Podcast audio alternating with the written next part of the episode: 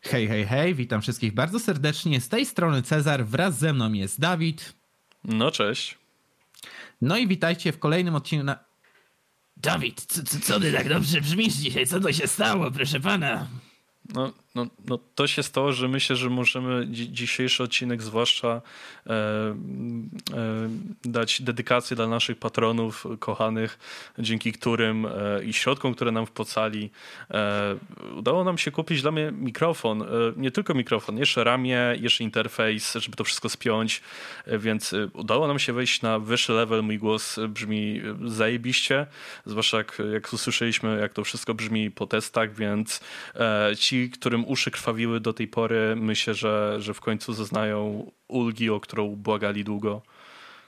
Tak, radiowy styl teraz nam się załącza, także serdecznie wszystkim dziękujemy za wpłaty i te małe, i te duże. To wszystko przyczyniło się zdecydowanie do zdobycia przez nas sprzętu, który pozwala wnieść to na lepszy poziom i deklarujemy, że dalej będziemy to robić, także zachęcamy do dalszego nas wspierania. Następny pewny w kolejce będzie mikrofon dla mnie lepszy, a potem, potem będziemy się bawić w szukanie kamery, zooma do spięcia i kto wie, podkaścik w terenie możliwe się stanie. Albo przynajmniej w jednym pomieszczeniu, gdzie już nie będziemy ze sobą tak, gadać tak. Przez, przez Discorda, mimo że dzieli nas, nie wiem, 10 metrów, 5.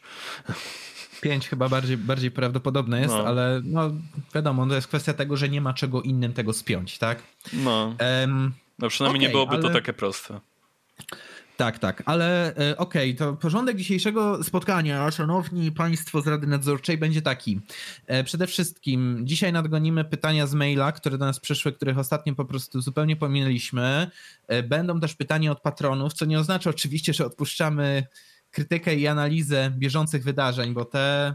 No, no, no jest o czym pogadać zdecydowanie. Mm, zresztą zaznaczyć jeszcze należy, my to nagrywamy wyjątkowo nie w sobotę, a w czwartek, w związku z tym, jeżeli coś nam tam z końcówki tygodnia umknie, no mówi się trudno, prawda, ale i tak jest co nieco do pogadania, do No najwyżej do, to nadrobimy. Do wyśmiania. Tak, ewentualnie to będziemy nadrabiać później. Dobra, e, w takim razie przejdźmy może od razu do pytań od naszych patronów, a dzisiaj padły dwa. E, pierwsze pytanie jest od Rumcajsa.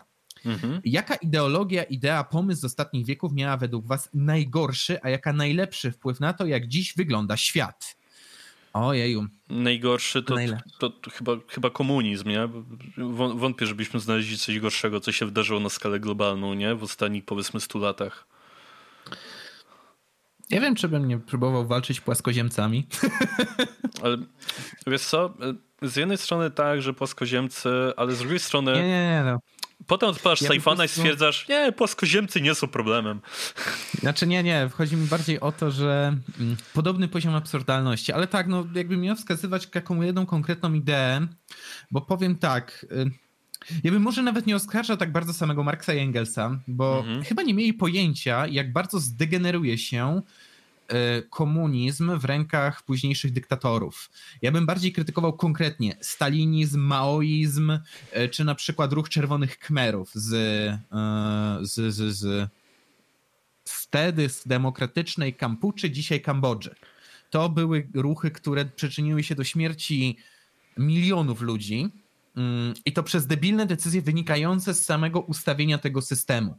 Na przykład w Chinach do wielkiej klęski głodu, którą zresztą opisywałem w jednym z materiałów, na wyobraźcie sobie, nie doszłoby, gdyby nie po pierwsze strach i terror wprowadzony przez dyktatora, ale też po drugie system, który wymagał tego centralnego sterowania. To się można to porównać do niewydolnego komputera. W sensie wszystko musi przejść jakby przez jedną serwerownię. Tymczasem Chiny to jest troszeczkę za duży kraj, żeby jedna serwerownia mu starczyła. Zresztą nawet Polska jest za dużym krajem, żeby mu jedna serwerownia do przetwarzania danych dzisiaj wystarczyła.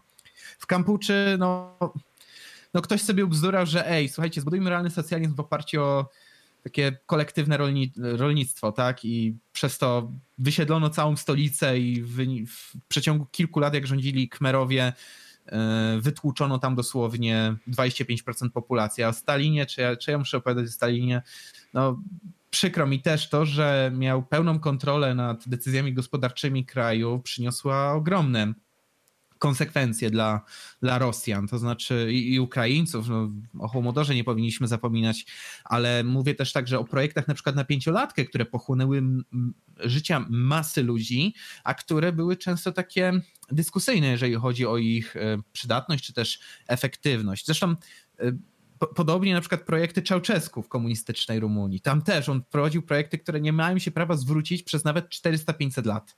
Także mówimy tutaj o totalnym szaleństwie wywoływanym ideologią.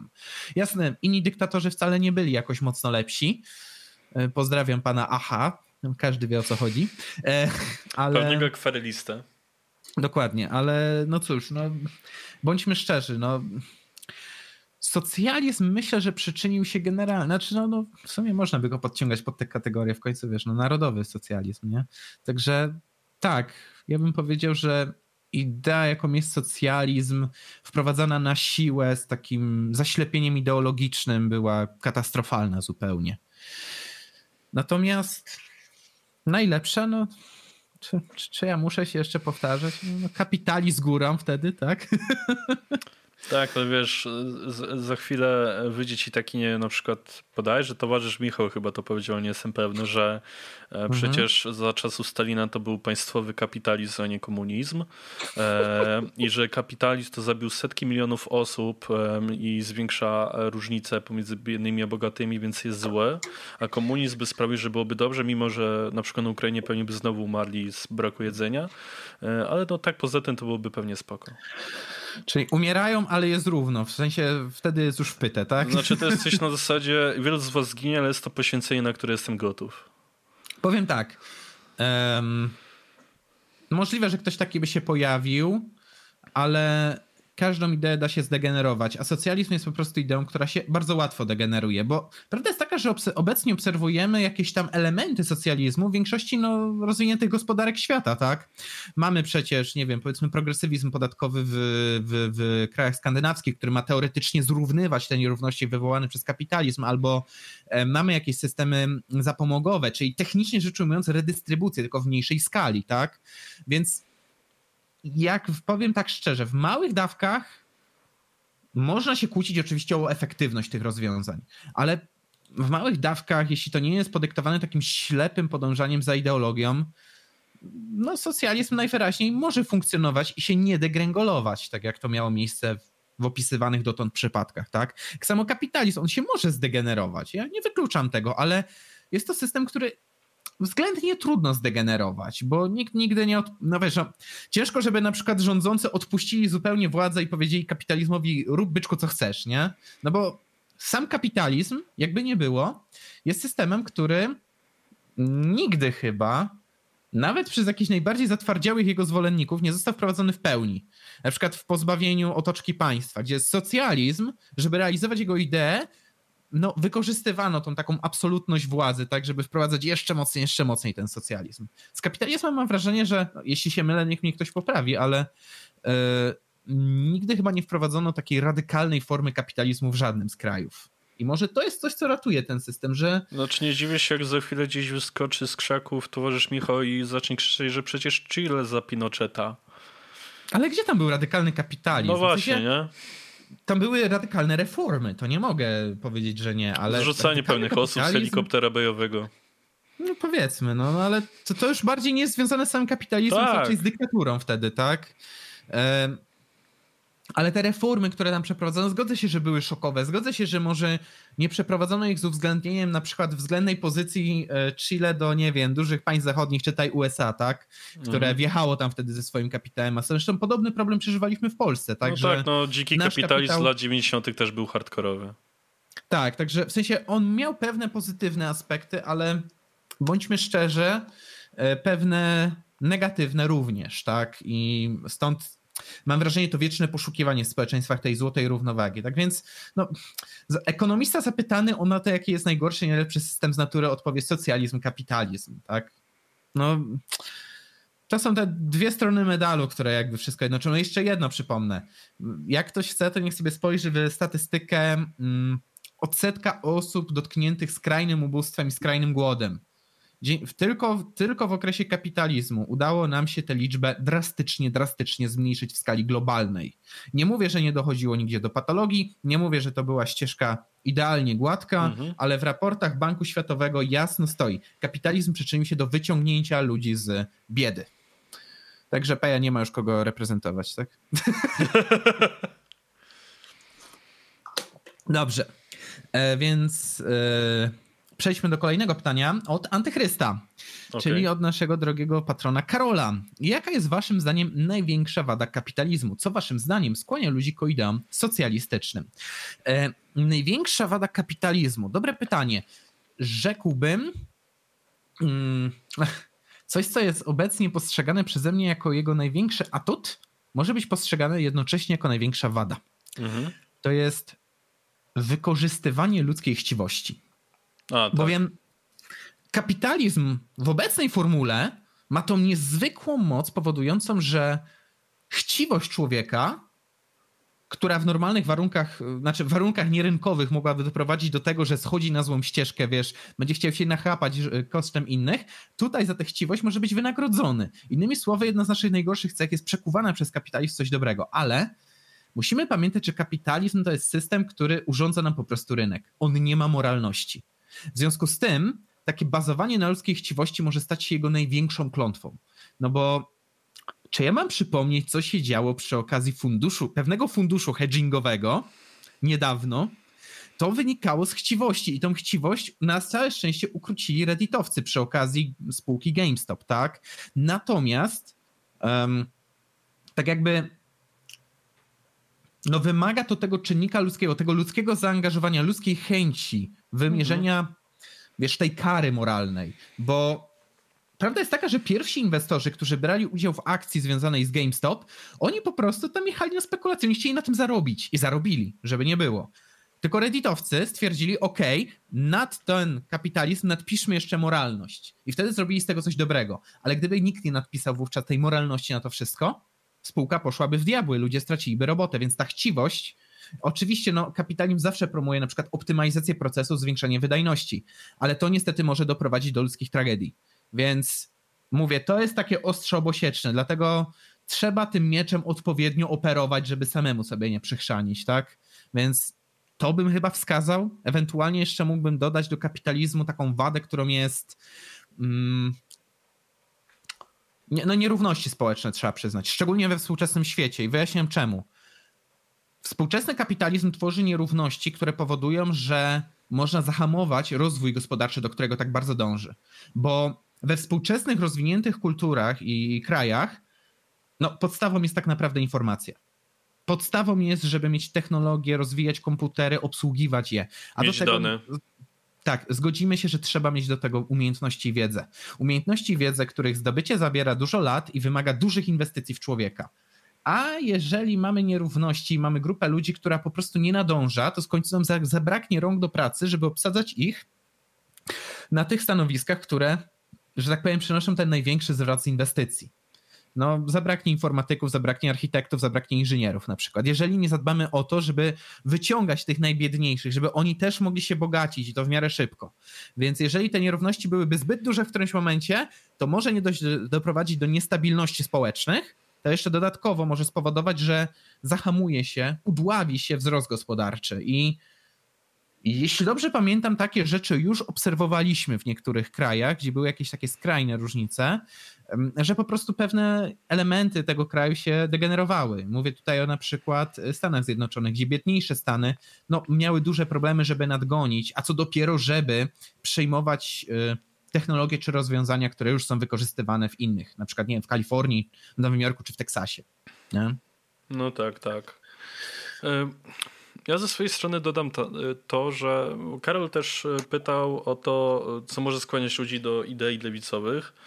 E, jak tak obserwuję duże rzeczy ostatnimi czasy, mam wrażenie, że to, co może ludzi skłaniać do idei lewicowych, to jest to, że oni nie mają absolutnie jakiejkolwiek świadomości tego, jak bardzo uciążliwy jest socjalizm pod kątem finansowym.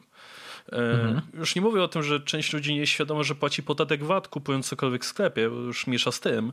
Mhm. Ale no ostatnio moim kolegom z pracy było trochę ciężko tak skumać, że nasz szef od naszych wypłat płaci 21% od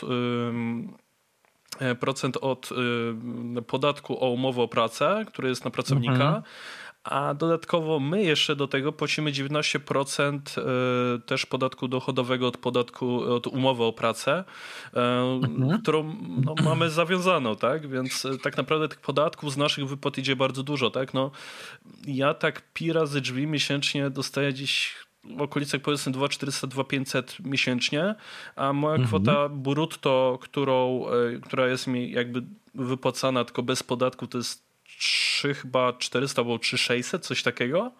Mhm. E, a mój szef ma jeszcze kwotę brutto brutto, czyli to, co on musi, tak zwane koszty pracodawcy i on za mnie... podatkowy. Taki. Tak, e, mhm. on za mnie de facto płaci prawie chyba 4000 albo ponad.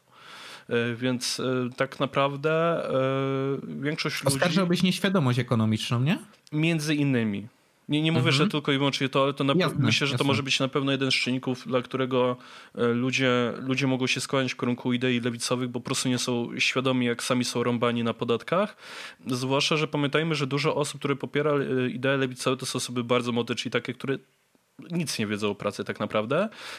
A dodatkowo to też są osoby, które są w wieku młodym, czyli takim studenckim mhm. i wtedy pracują na umowie zlecenia. Na umowie zlecenia na chwilę obecną jest tak, że twoja e, kwota brutto to jest twoja kwota netto. Tak? Jakby no tak. Do, do państwa nie trafia nic, bo jakby ubezpieczenie zdrowotne leci z, z ubezpieczenia uczelni, chyba że podpieli cię rodzice. Mhm. ZUS nie jest opłacany w ogóle, chyba z tego co kojarzę, bo jest się zwolnionym jako student. E, no a no, PIT jest zero, więc dodatkowo nic nie jest zabierane, tak? Więc e, to może też powodować, że ci młodzi ludzie nie są zupełnie świadomi, jakby, jak bardzo robi ich państwo i że to jest de facto socjalizm, nie? Um, znaczy tak, ale ja bym jeszcze chyba wskazał taki przyczynę polityczną tego wszystkiego, wiesz? To znaczy e, to, jak obecnie kształtuje się narracja w kraju, bo jeżeli przykładamy to, pytanie bezpośrednio do Polski, to myślę, że najlepszą odpowiedzią byłoby przyjrzyjmy się, jak się rozmawia o polityce w tym kraju. PiS, pomimo tego, że wprowadza dużo rozwiązań, które właśnie ty, jak tutaj określiłeś, są socjalnymi rozwiązaniami, tak? I pomimo tego, że jest partią, która no, no cybernetyk chyba to tak ładnie określał, że e, to, jest, to są komuniści z krzyżem w zębach, tak? Znaczy na pewno to są prosocjaliści mocniej, jeśli chodzi o gospodarkę, ale oni są przedstawieni w mediach jako partia prawicowa. Światopogląd się dla ludzi liczy. W związku z tym młodzi ludzie szczególnie na zasadzie takiej reakcji mhm. stwierdzają dobra, ja od teraz jestem lewicowy. Skoro oni są prawicowi, a jestem przeciwko nim, tak. no to tak. muszę być lewicowy. A świadomość i ekonomiczna, i polityczna w naszym kraju, no to bym powiedział, tak kiepsko z tym trochę to wygląda. Także tak. Ja uważam, że to jest taki bunt. Trochę chwilowy może, może to się zamieni za 10 lat, ale póki mamy taką władzę, no to jest bunt na pokładzie na zasadzie oni są tacy, to ja muszę być po prostu kimś innym i muszę ułożyć swoje włosy, bo mnie wkurzają. Zwłaszcza, no. że też e, dużo ludzi jest e, też przeciw Konfederacji. Nie szukajmy się, Konfederacja też się określa jako pra, e, partia typowo prawicowa, tylko oczywiście w opozycji -hmm. do PiSu, którego uważasz za partię socjalistyczną. Ale dla młodych PiS i Konfederacja to jest niemalże to samo, tylko z tą różnicą, że PiS rządzi, a Konfederacja nie. I tak. PiS nie ma swojego na szczęście Korwina, znaczy na szczęście. W sumie szkoda, bo może wtedy. Dla nich na tak, szczęście. Dla nich na szczęście. Zwłaszcza, że też na Konfederacji jeszcze Korwino, chorobę Korwina zaczął dostawać Jambor i jeszcze, jeszcze, jeszcze Mensen. Więc e, za chwilę pół partii będzie trzeba zamykać szafie. Bunnies. Tak, tak, tak, Trzeba będzie kazamaty poszerzać. Tak. Na chwilę obecną jedynie Kulesze się jakoś tak pozytywnie e, jakby pokazał z nich wszystkich, bo stwierdził, znaczy... ej, patrzcie, pracuje na czarno, he, he, he. To znaczy, tak, ale ja bym nie oskarżał jeszcze tak wszystkich tych polityków. Dobra, przyznam, duża wpadka ze strony yy, pana Artura, ale wciąż uważam, że to jest człowiek, który no nie chciał źle po prostu, no. Ja mam wrażenie, że zadziałał tutaj efekt Mandeli. Ja idę o zakład, że. Znaczy, ja w ogóle dostrzegłem, że jak, e, jak był ten pierwszy dzień, jak on wrzucił ten słynny obrazek mm. do Twittera z, z Lolą, Ja zauważyłem, że wielu ludzi zaakceptowało to, jakby to był kadr z filmu, a nie fanfic. Ale wiesz co, ja na pierwszy rzut oka też, ja na pierwszy rzut oka też stwierdziłem, no ej, w sumie chyba tak było, ale wiesz, nie miałem takiej pewności, że wiesz, efekt Mandeli czy coś, No e, tak, tylko jasne. miałem takie, no, no mogła mieć te większe piersi w tamtym filmie, tym oryginalnym Space Jamie, Mhm. który oglądałem chyba z 10 razy za dzieciaka, tylko że ja to oglądałem, nie wiem, z 15 lat temu ostatnio, więc wiesz, równie dobrze mogliby pokazać e, Kaczora Dafiego z gaciami i pewnie też bym uwierzył, że tak było, nie? No o to chodzi, nie? Nikt tego nie odświeżał przez lata tak naprawdę. A No. Jambor chciał wrzucić na imbę, która tak naprawdę się kręciła w USA i to był jego błąd, bo jak uczyłem, nie przenosimy problemów e, lewicy amerykańskiej na Polskę, tak nie przenosimy prawicy amerykańskiej na Polskę. To się źle kończy, panie Arturze, to jest dla pana lekcja. Po, po prostu wyszło, że Jambor jest kryptofurasem, tak? No ale no, jeszcze dam mu szansę się odkuć, bo przyznam, że to jego pierwsza taka chyba duża wpadka. Naprawdę nie No. przypominam sobie wcześniej. No do Korwina jest mu bardzo daleko, tak?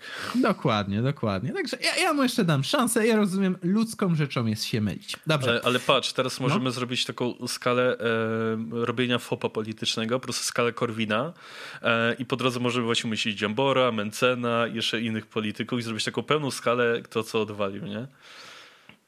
A jako szczyt oczywiście Mm. Korwin, czyli walenie co miesiąc regularnie czegoś, co ci daje 1%.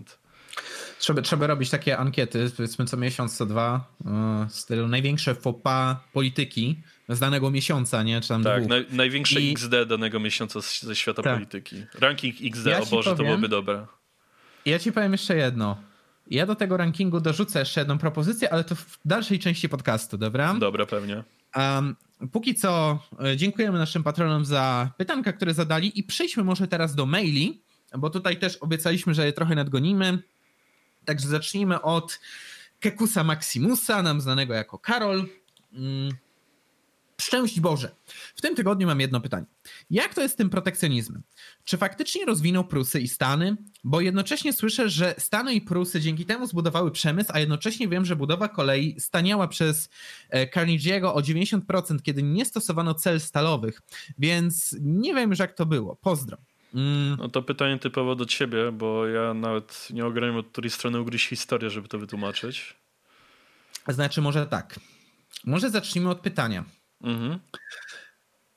Dlaczego dawniej uznawano protekcjonizm za słuszną ideę handlową, czy, czy, czy prowadzenia polityki międzynarodowej?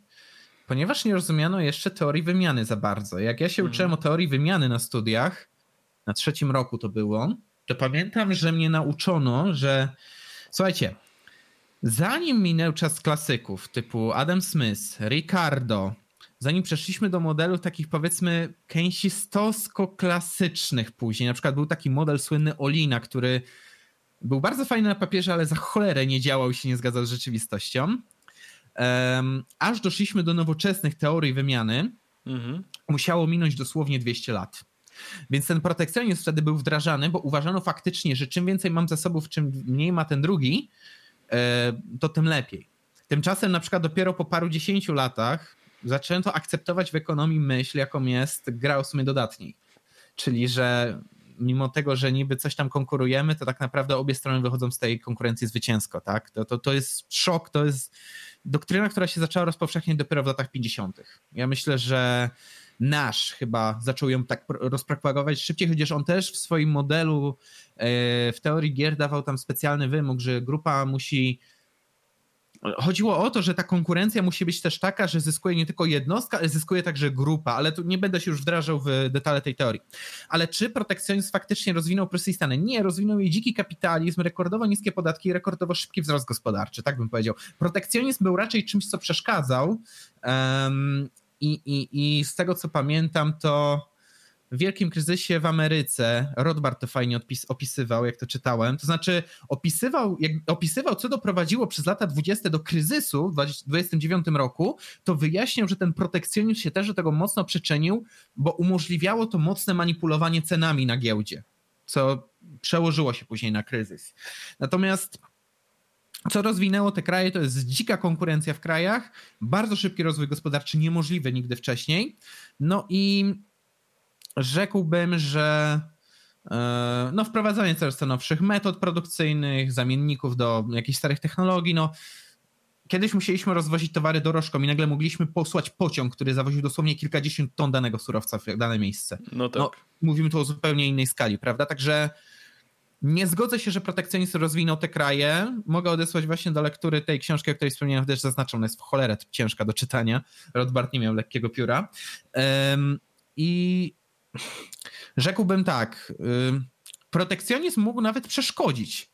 To znaczy, najbardziej się to ujawniło w I wojnie światowej, ale jeszcze przed I wojną światową protekcjonizm tak naprawdę trochę utrudniał rozwój armii i przemysłu niemieckiego. Bo Niemcy na przykład nie byli w stanie jeszcze na początku XX wieku wyprodukować sobie dostatecznie dużej ilości żywności.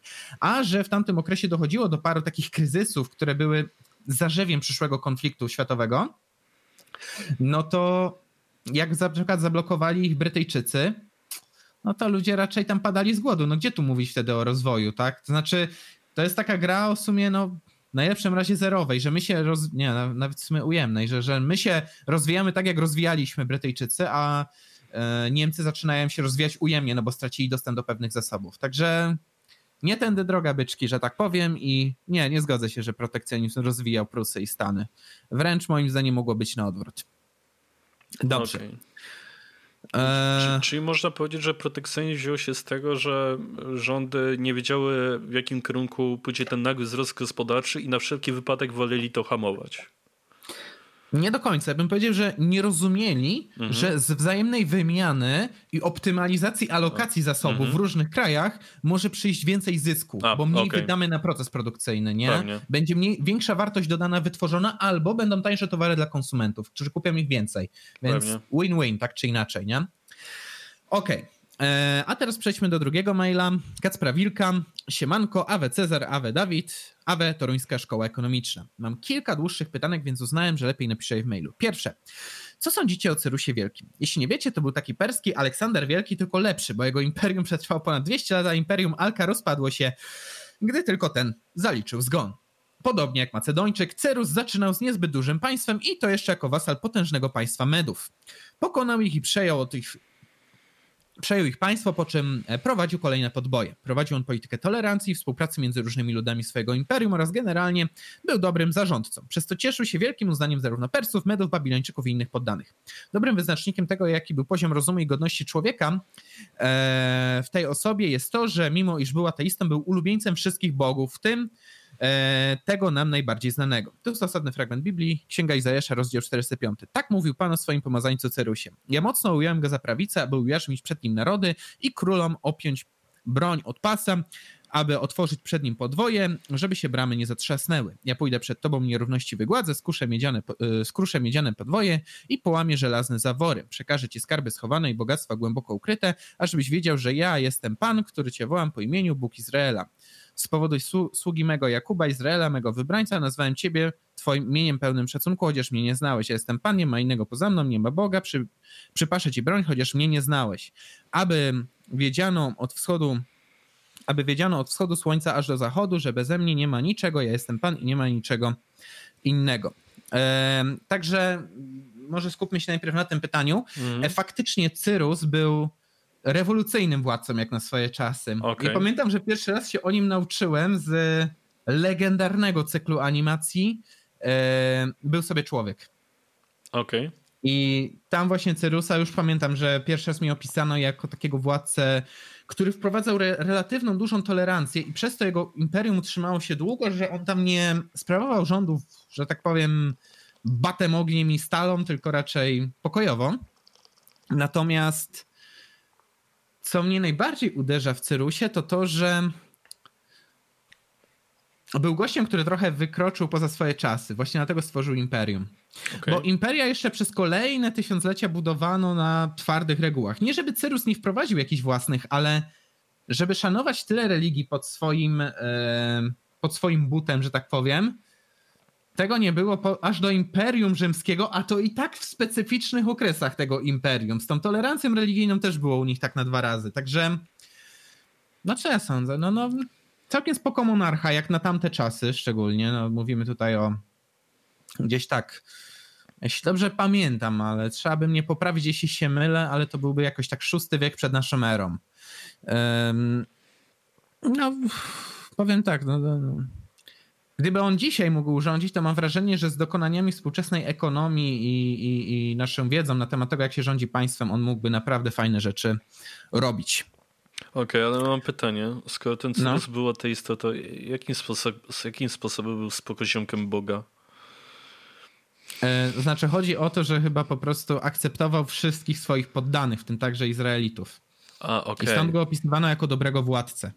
A, no, czyli... on miał przydomek wielki. Czyli, czyli że no. szanował Izraelitów, więc Izraelici stwierdzili, że skoro on szanuje, to musi być spoko ziomkiem naszego Boga, tak? Mhm. Okej, okay, dobra. Brzmi, brzmi trochę, brzmi trochę abstrakcyjnie, że gość nie wierzy w Boga, ale jest jego spoko ziomkiem. Znaczy, okay. w sumie tak było, no bo wiesz, Izraelici jak mieli, jak im dokopał faraon egipski, no to się na niego tam, tam hejtowali go w Biblii, nie? No także wiesz. Dobra. Um, drugie pytanie. Jak już przy tym jesteśmy, to jak myślicie, dlaczego w naszym systemie edukacji, e, nasz system edukacji chyba prowadzi narrację z perspektywy grecko-rzymskiej? Skupia się na nich, a takich właśnie Persów czy Kartagińczyków w ogóle nie przedstawia jako cywilizacji, a tylko przez pryzmat ich wojen z Grekami i Rzymianami. A Persowie to już w ogóle zostali zdemonizowani w powszechnej świadomości przez komiks i film 300, a przecież mieli oni na pewnych płaszczyznach więcej wspólnego z naszą współczesną cywilizacją niż świat grecko-rzymski, na przykład monoteistyczna religia czy linearna koncepcja czasu. Czy sprawdza się tutaj powiedzenie, że historię piszą zwycięzcy? Jak najbardziej. Jeszcze jak? Nie no, książę Persji to była spoko gra, no. Mm. na poważnie, tak? Ja bym powiedział tak. My się na tym skupiamy, bo faktycznie na fundamencie Rzymu i Grecji wyrosła nasza cywilizacja. Mhm. No i stąd ten taki fetyszyzacja. No bo potem na przykład, mówię z perspektywy szkolnictwa wyższego, idziemy do szkoły wyższej. Gdzie się odnajduje pierwsze jakieś zaczątki paraekonomii? No w starożytnej Grecji według niektórych, chociaż moim zdaniem to jest mocno na wyrost stwierdzenie. Mhm. Gdzie się spotyka pierwsze zaczątki prawa, które obecnie obowiązuje? W Rzymie, nie? E, kultura, estetyka, wszystko. Grecja, Rzym, Grecja, Rzym tak naprawdę, nie? Znaczy można powiedzieć, mm. że, że świat grecki i rzymski był taki bardziej globalny i chyba z tego względu bardziej mówimy o nim. Czy ja wiem? Znaczy no globalny, w sensie ja bym, ja bym... globalny jak na poziom Europy, powiem tak. No. Ja bym powiedział, że to były kraje w porównaniu do świetności Imperium mm -hmm. Perskiego bardzo zamknięte. A, okay. Persowie mieli niesamowite dokonania, na, na, y, bo oni to odziedziczyli, bo byli tolerancyjni, przypomnę. Po Babilończykach odziedziczyli wielkie dokonania z zakresu astronomii, matematyki, coś co Grecy jeszcze długo, długo do, do, dociekali tak naprawdę w tamtym okresie. Tak naprawdę, no można powiedzieć, że niestety, ale historię piszą nie tylko zwycięzcy, ale historię też. Masz szansę zdominować, jak wygrywasz coś siłą. Grecy i Rzymianie dominowali armią. To jest coś, z czym armia perska, mimo swojej liczebności, nie mogła się mierzyć. Nie miała tych taktyk, nie miała tej organizacji, nie miała tego sprzętu. Więc powiem tak, no, za 2000 lat ktoś będzie opowiadał o takim kraju jak USA. I niekoniecznie bym powiedział, że on się jakoś mocno przełożył na. Mm, znaczy, że on miał aż tak piękne, wspaniałe dokonania jak Europa e, w zakresie, nie wiem, dajmy na to kultury i nauki w obecnych czasach. Nie, nie mówię, że nie ma nic, nie mówię, że nie ma wybitnych przedstawicieli, ale rzekłbym, że dorobek europejski, jakby tak wziąć ostatnio, no powiedzmy od początku istnienia Ameryki do teraz, to raczej byłby chyba większy. Mimo to Amerykanie mają większą armię i to oni w tej chwili piszą historię ale jeśli Chińczycy nas dominują, o panie, to już nikt nie będzie o tym wspominał. E, no tak, znaczy no, zdecydowanie historię piszą zwycięzcy. No, no nie szukajmy się, ile, ile, ile nas się uczyło, czy uczy się obecnie dzieciaków e, na temat na przykład Nikoli, Tesli, a Edisonie, nie? O Edisonie miałem mhm. rozdział książce o Tesli prawie nic. Poza tym, no, jeśli chodzi o naukę historii, e, zapewne pamiętasz, jak u nas wyglądała nauka historii. Od podstawówki do końca liceum, e, przepraszam, do końca gimnazjum mieliśmy powtarzanie de facto tej samej historii w kółko i chyba dopiero gdzieś albo pod koniec gimnazjum, albo gdzieś na początku liceum w końcu zrobili tą reformę, że może nie każmy się dzieciakom uczyć po raz siódmy tego samego, tylko w końcu pójdźmy dalej z tą historią. Wiesz co ci powiem, ale nie, to wynikało z innego trybu uczenia, bo my się uczyliśmy w tak zwanym systemie cyrkularnym, czyli uczyliśmy się trochę, potem mieliśmy powtórzyć i poszerzyć tę wiedzę i znowu przez liceum. A teraz jest ten tryb linearny, że niby jedziemy mhm. po prostu od do. Tylko moim zdaniem to jest kwestia złego zbalansowania tematów. Powiedz mi, po jaką cholerę tak dużo czasu poświęcamy tym pierwszym starożytnym cywilizacjom. No, ja nie mówię, że nic z tego nie, nie powinniśmy wciągnąć, ale temu się poświęca naprawdę znaczną część pierwszego roku no liceum teraz powiedzmy i, pod, i, i czwartą podstawówki, bo kiedyś jeszcze byśmy powiedzieli gimnazjum, nie? Tego było za dużo zwyczajnie w programie. No tak. tak samo tak samo właśnie za dużo było takich tematów związanych z moim zdaniem porażkami Polaków. W sensie ja nie mówię, żeby o tym nie wspominać i nie mówić, ale dlaczego my tyle czasu poświęcamy na powstania, a nie mamy czasu omówić na przykład sytuację po II wojnie światowej? Tego się prawie nigdy nie robiło na historii. To jest poważny problem. No albo tego, co się działo w trakcie PRL-u, czy też po upadku PRL-u tuż, nie? Czyli te, te nasze dzikie lata 90. Tak, no, no nie uczymy się o tym w ogóle i potem mamy zdziwko dopiero, że nie wiem, pytamy się jakiegoś młodzieńca o to, że nie wiem, kim był Kennedy albo dajmy na to, kojarzysz takie nazwiska jak Gorbaczow. O, no to no, no, w serialu HBO był jakiś taki pan. No, no, ale to się nie dziwię, no w szkole no. nie nauczą go, kim on naprawdę był. No tak, albo no. Co, co zrobił papież? No obalił komunizm.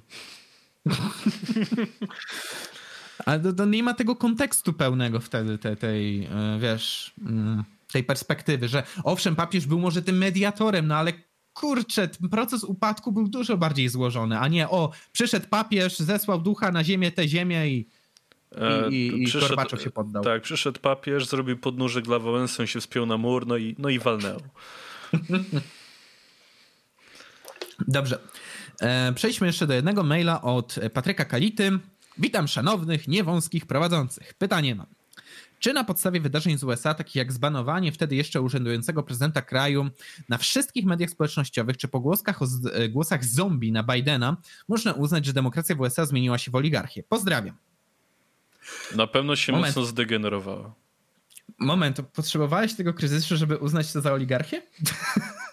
znaczy, nie, dobra, wyjaśnię to troszeczkę, bo ja też do tego doszedłem po prostu pisząc moją magisterkę, gdzie poddawałem dużo takiej dość szerokiej analizie tego, jak wygląda mm, scena polityczna w USA. Mhm. Tam wszystko jest przeszyte partiami, które tam tworzą duopol, czyli republikanami i, i demokratami. Na przykład nie jesteś w stanie praktycznie wystartować jako niezależny kandydat w wyborach na gubernatora, senatora. Nie ma opcji, nie zdobędziesz takiej siły, żeby się przebić. Musisz mieć protektorat partii i w ogóle nie możesz wystartować, jeżeli nie zostaniesz klepnięty przez któreś z ugrupowań musisz być desygnowany przez partię, inaczej nie ruszasz w ogóle do wyborów.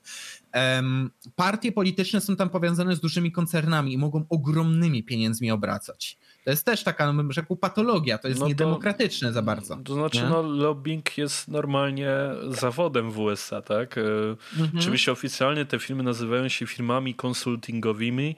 E, tak. Tak, e, a tak naprawdę to są ludzie, którzy sprzedają swoje kontakty i biorą za to pieniądze.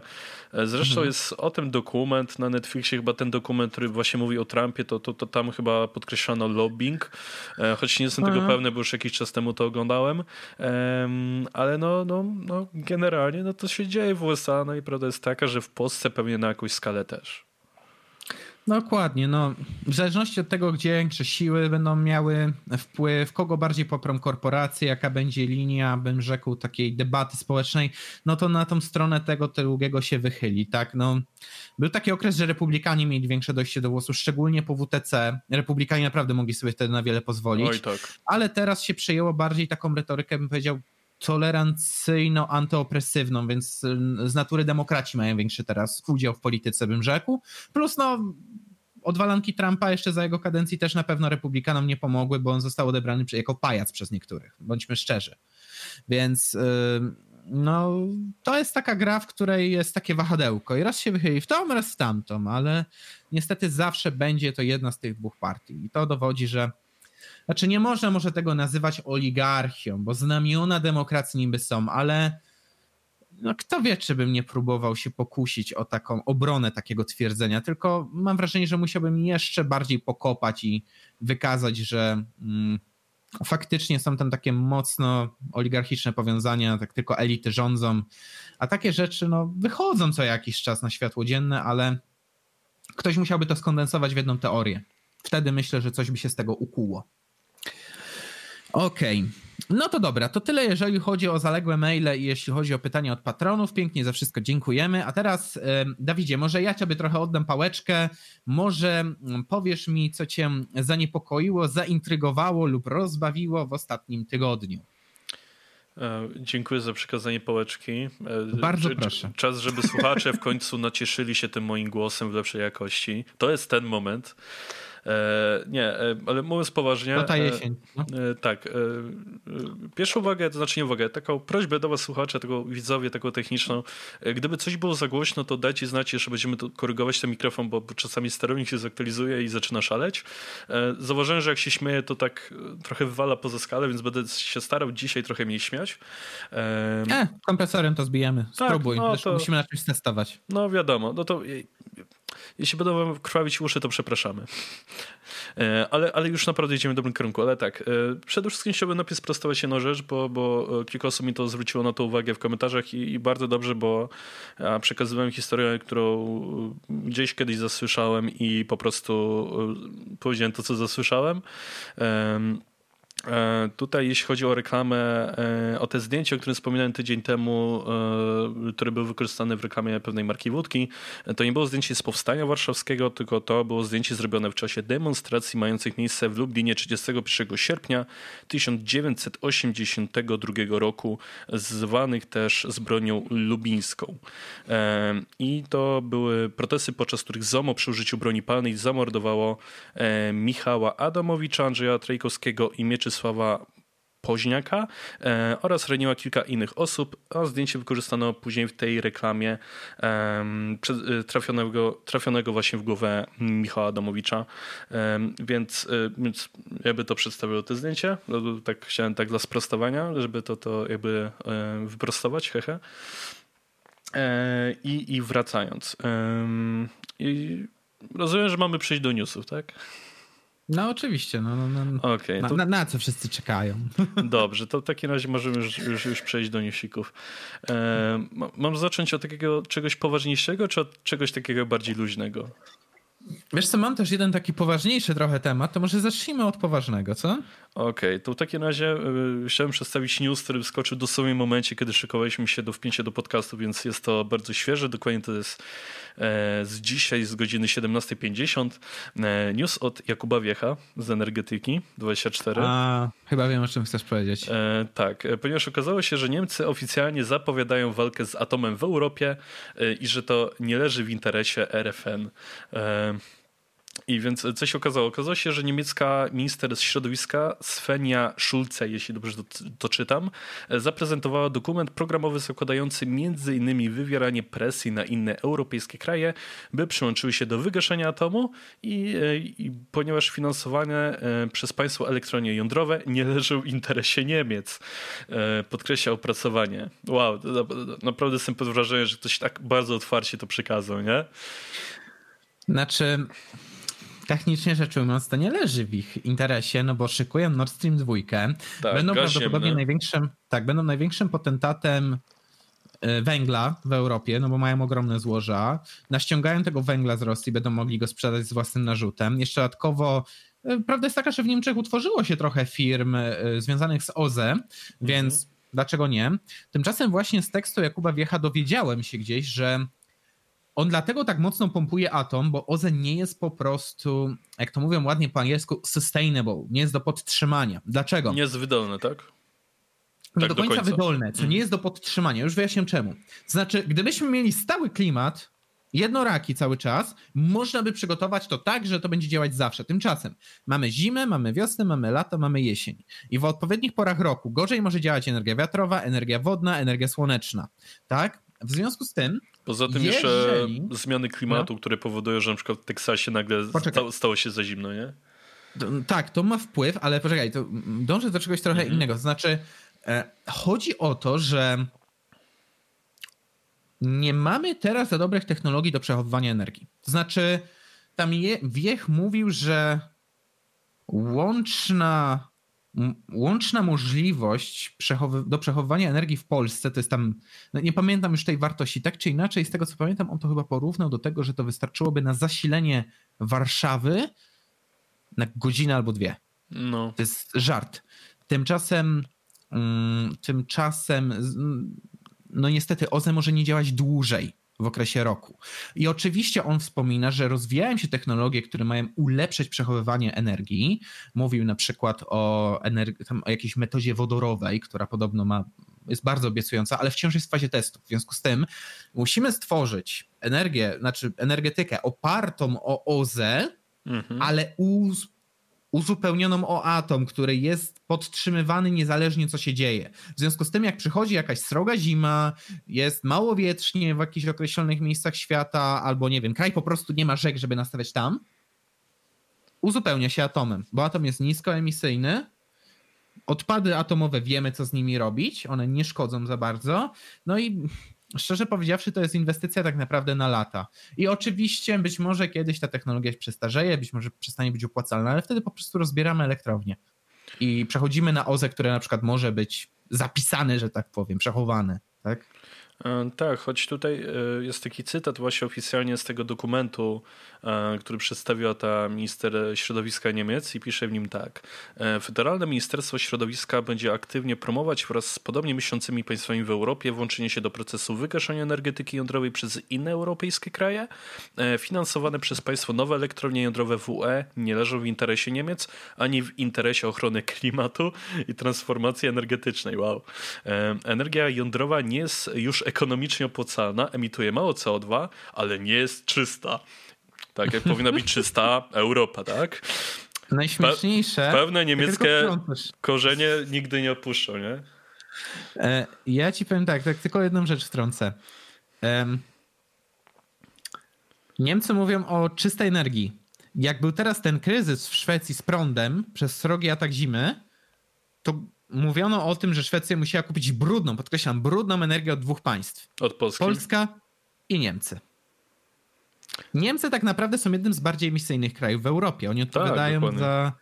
E, nie chcę teraz skłamać, bo ja pamiętam, że sprawdzałem te statystyki, jak przygotowywaliśmy materiał o Grecie Thunberg ale to było wartość tam, nie wiem, 2% emisji światowej, coś takiego. To nie jest oczywiście tak dużo jak USA, Indie czy, czy Chiny, ale Nadal. wciąż jest to jedna z wyższych wartości w Europie, a oni śmią w ogóle śmieć mm, instruować innych, tak, co powinni zrobić. No przepraszam bardzo, ale ja nie mówię, że polska energetyka nie wymaga reform, ale jest mniej emisyjna od niemieckiej. Ja, jasne, ktoś powie, no dobra, ale Niemcy mają więcej obywateli, dwukrotnie więcej okej, okay, jasne, ale nawet jeżeli by wyszło, że są porównywalni z Polską, to co, brawa im się za to należą? No raczej nie. No, zwłaszcza, że w tym liście też właśnie było przedstawione, że, że te koszty energetyki jądrowej są ogromne i obciążają przyszłe pokolenia.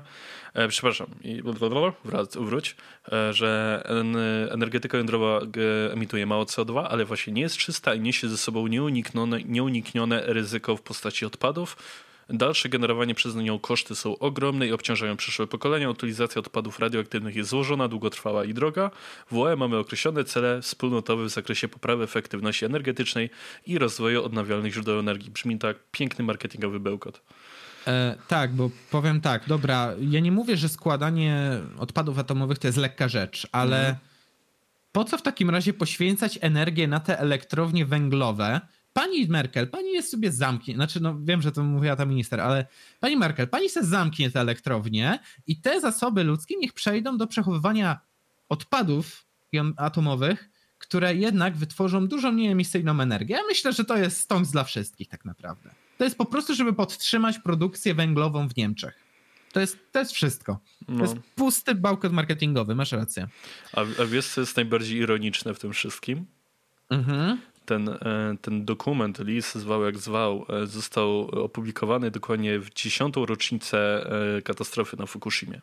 O, no popatrz, no tak, oczywiście. Co za znaczy, przypadek, jeszcze, nie? Jeszcze przypomnę jedno, nie dość, że była, że rocznica katastrofy w Fukushimie, to jak teraz w momencie, jak to nagrywamy, jest 11 marca 2021 roku. Dzisiaj mija rok od wprowadzenia dwutygodniowego lockdownu. Yeah! Zupełnie jak z prowadzeniem podwyżki VAT-u na 3 lata, nie? Które już trwa chyba od 10. Już nie mówię o podwyżce podatku, znaczy o wprowadzeniu podatku Belki, który też miał być tymczasowy i dzięki któremu mielibyśmy choć trochę lepszą sytuację w banku. Gdyby nie on, gdyby go nie było, to mielibyśmy choć trochę lepszą sytuację w bankowości. Panie, idź pan, sam pan wie gdzie. Dokładnie. O matko. To słuchaj. No, no. no. Znaczy, jak już omówiliśmy teraz ten temat tej energetyki, No. to mnie aż korci, żeby pogadać o pewnym polskim problemie. Dość poważnym trzeba przyznać, Mhm. ale wdrożę cię w to. Dobra. E, Otóż będę bazował na artykule mm, Klubu Jagiellońskiego Dobra. e, pod tytułem Warzywniak plus to zły pomysł, ale konsolidacja branży spożywczej jest potrzebna. To jest coś, czym się zajmowałem na studiach i cieszę się, że to tak trochę wypływa w dyskusji gdzie niegdzie. Em, no i właśnie. Hmm, hmm, hmm. Dobra. E, Przeczytam najpierw takie wprowadzenie, żebyś rozumiał sytuację. Nie ma w Polsce drugiej takiej branży, która byłaby z jednej strony liderem, z drugiej ciągnęła się w ogonie Europy. Taki obraz polskiego rolnictwa kreuje portal Business Insider. Jesteśmy jednym z największych producentów żywności w UE. Zajmujemy trzecie miejsce na liście największych producentów zbóż w Unii Europejskiej. Aż jedna piąta unijnych zbóż pochodzi z Polski. W produkcji mleka zajmujemy czwartą pozycję wśród krajów wspólnoty. Tylko co z tego?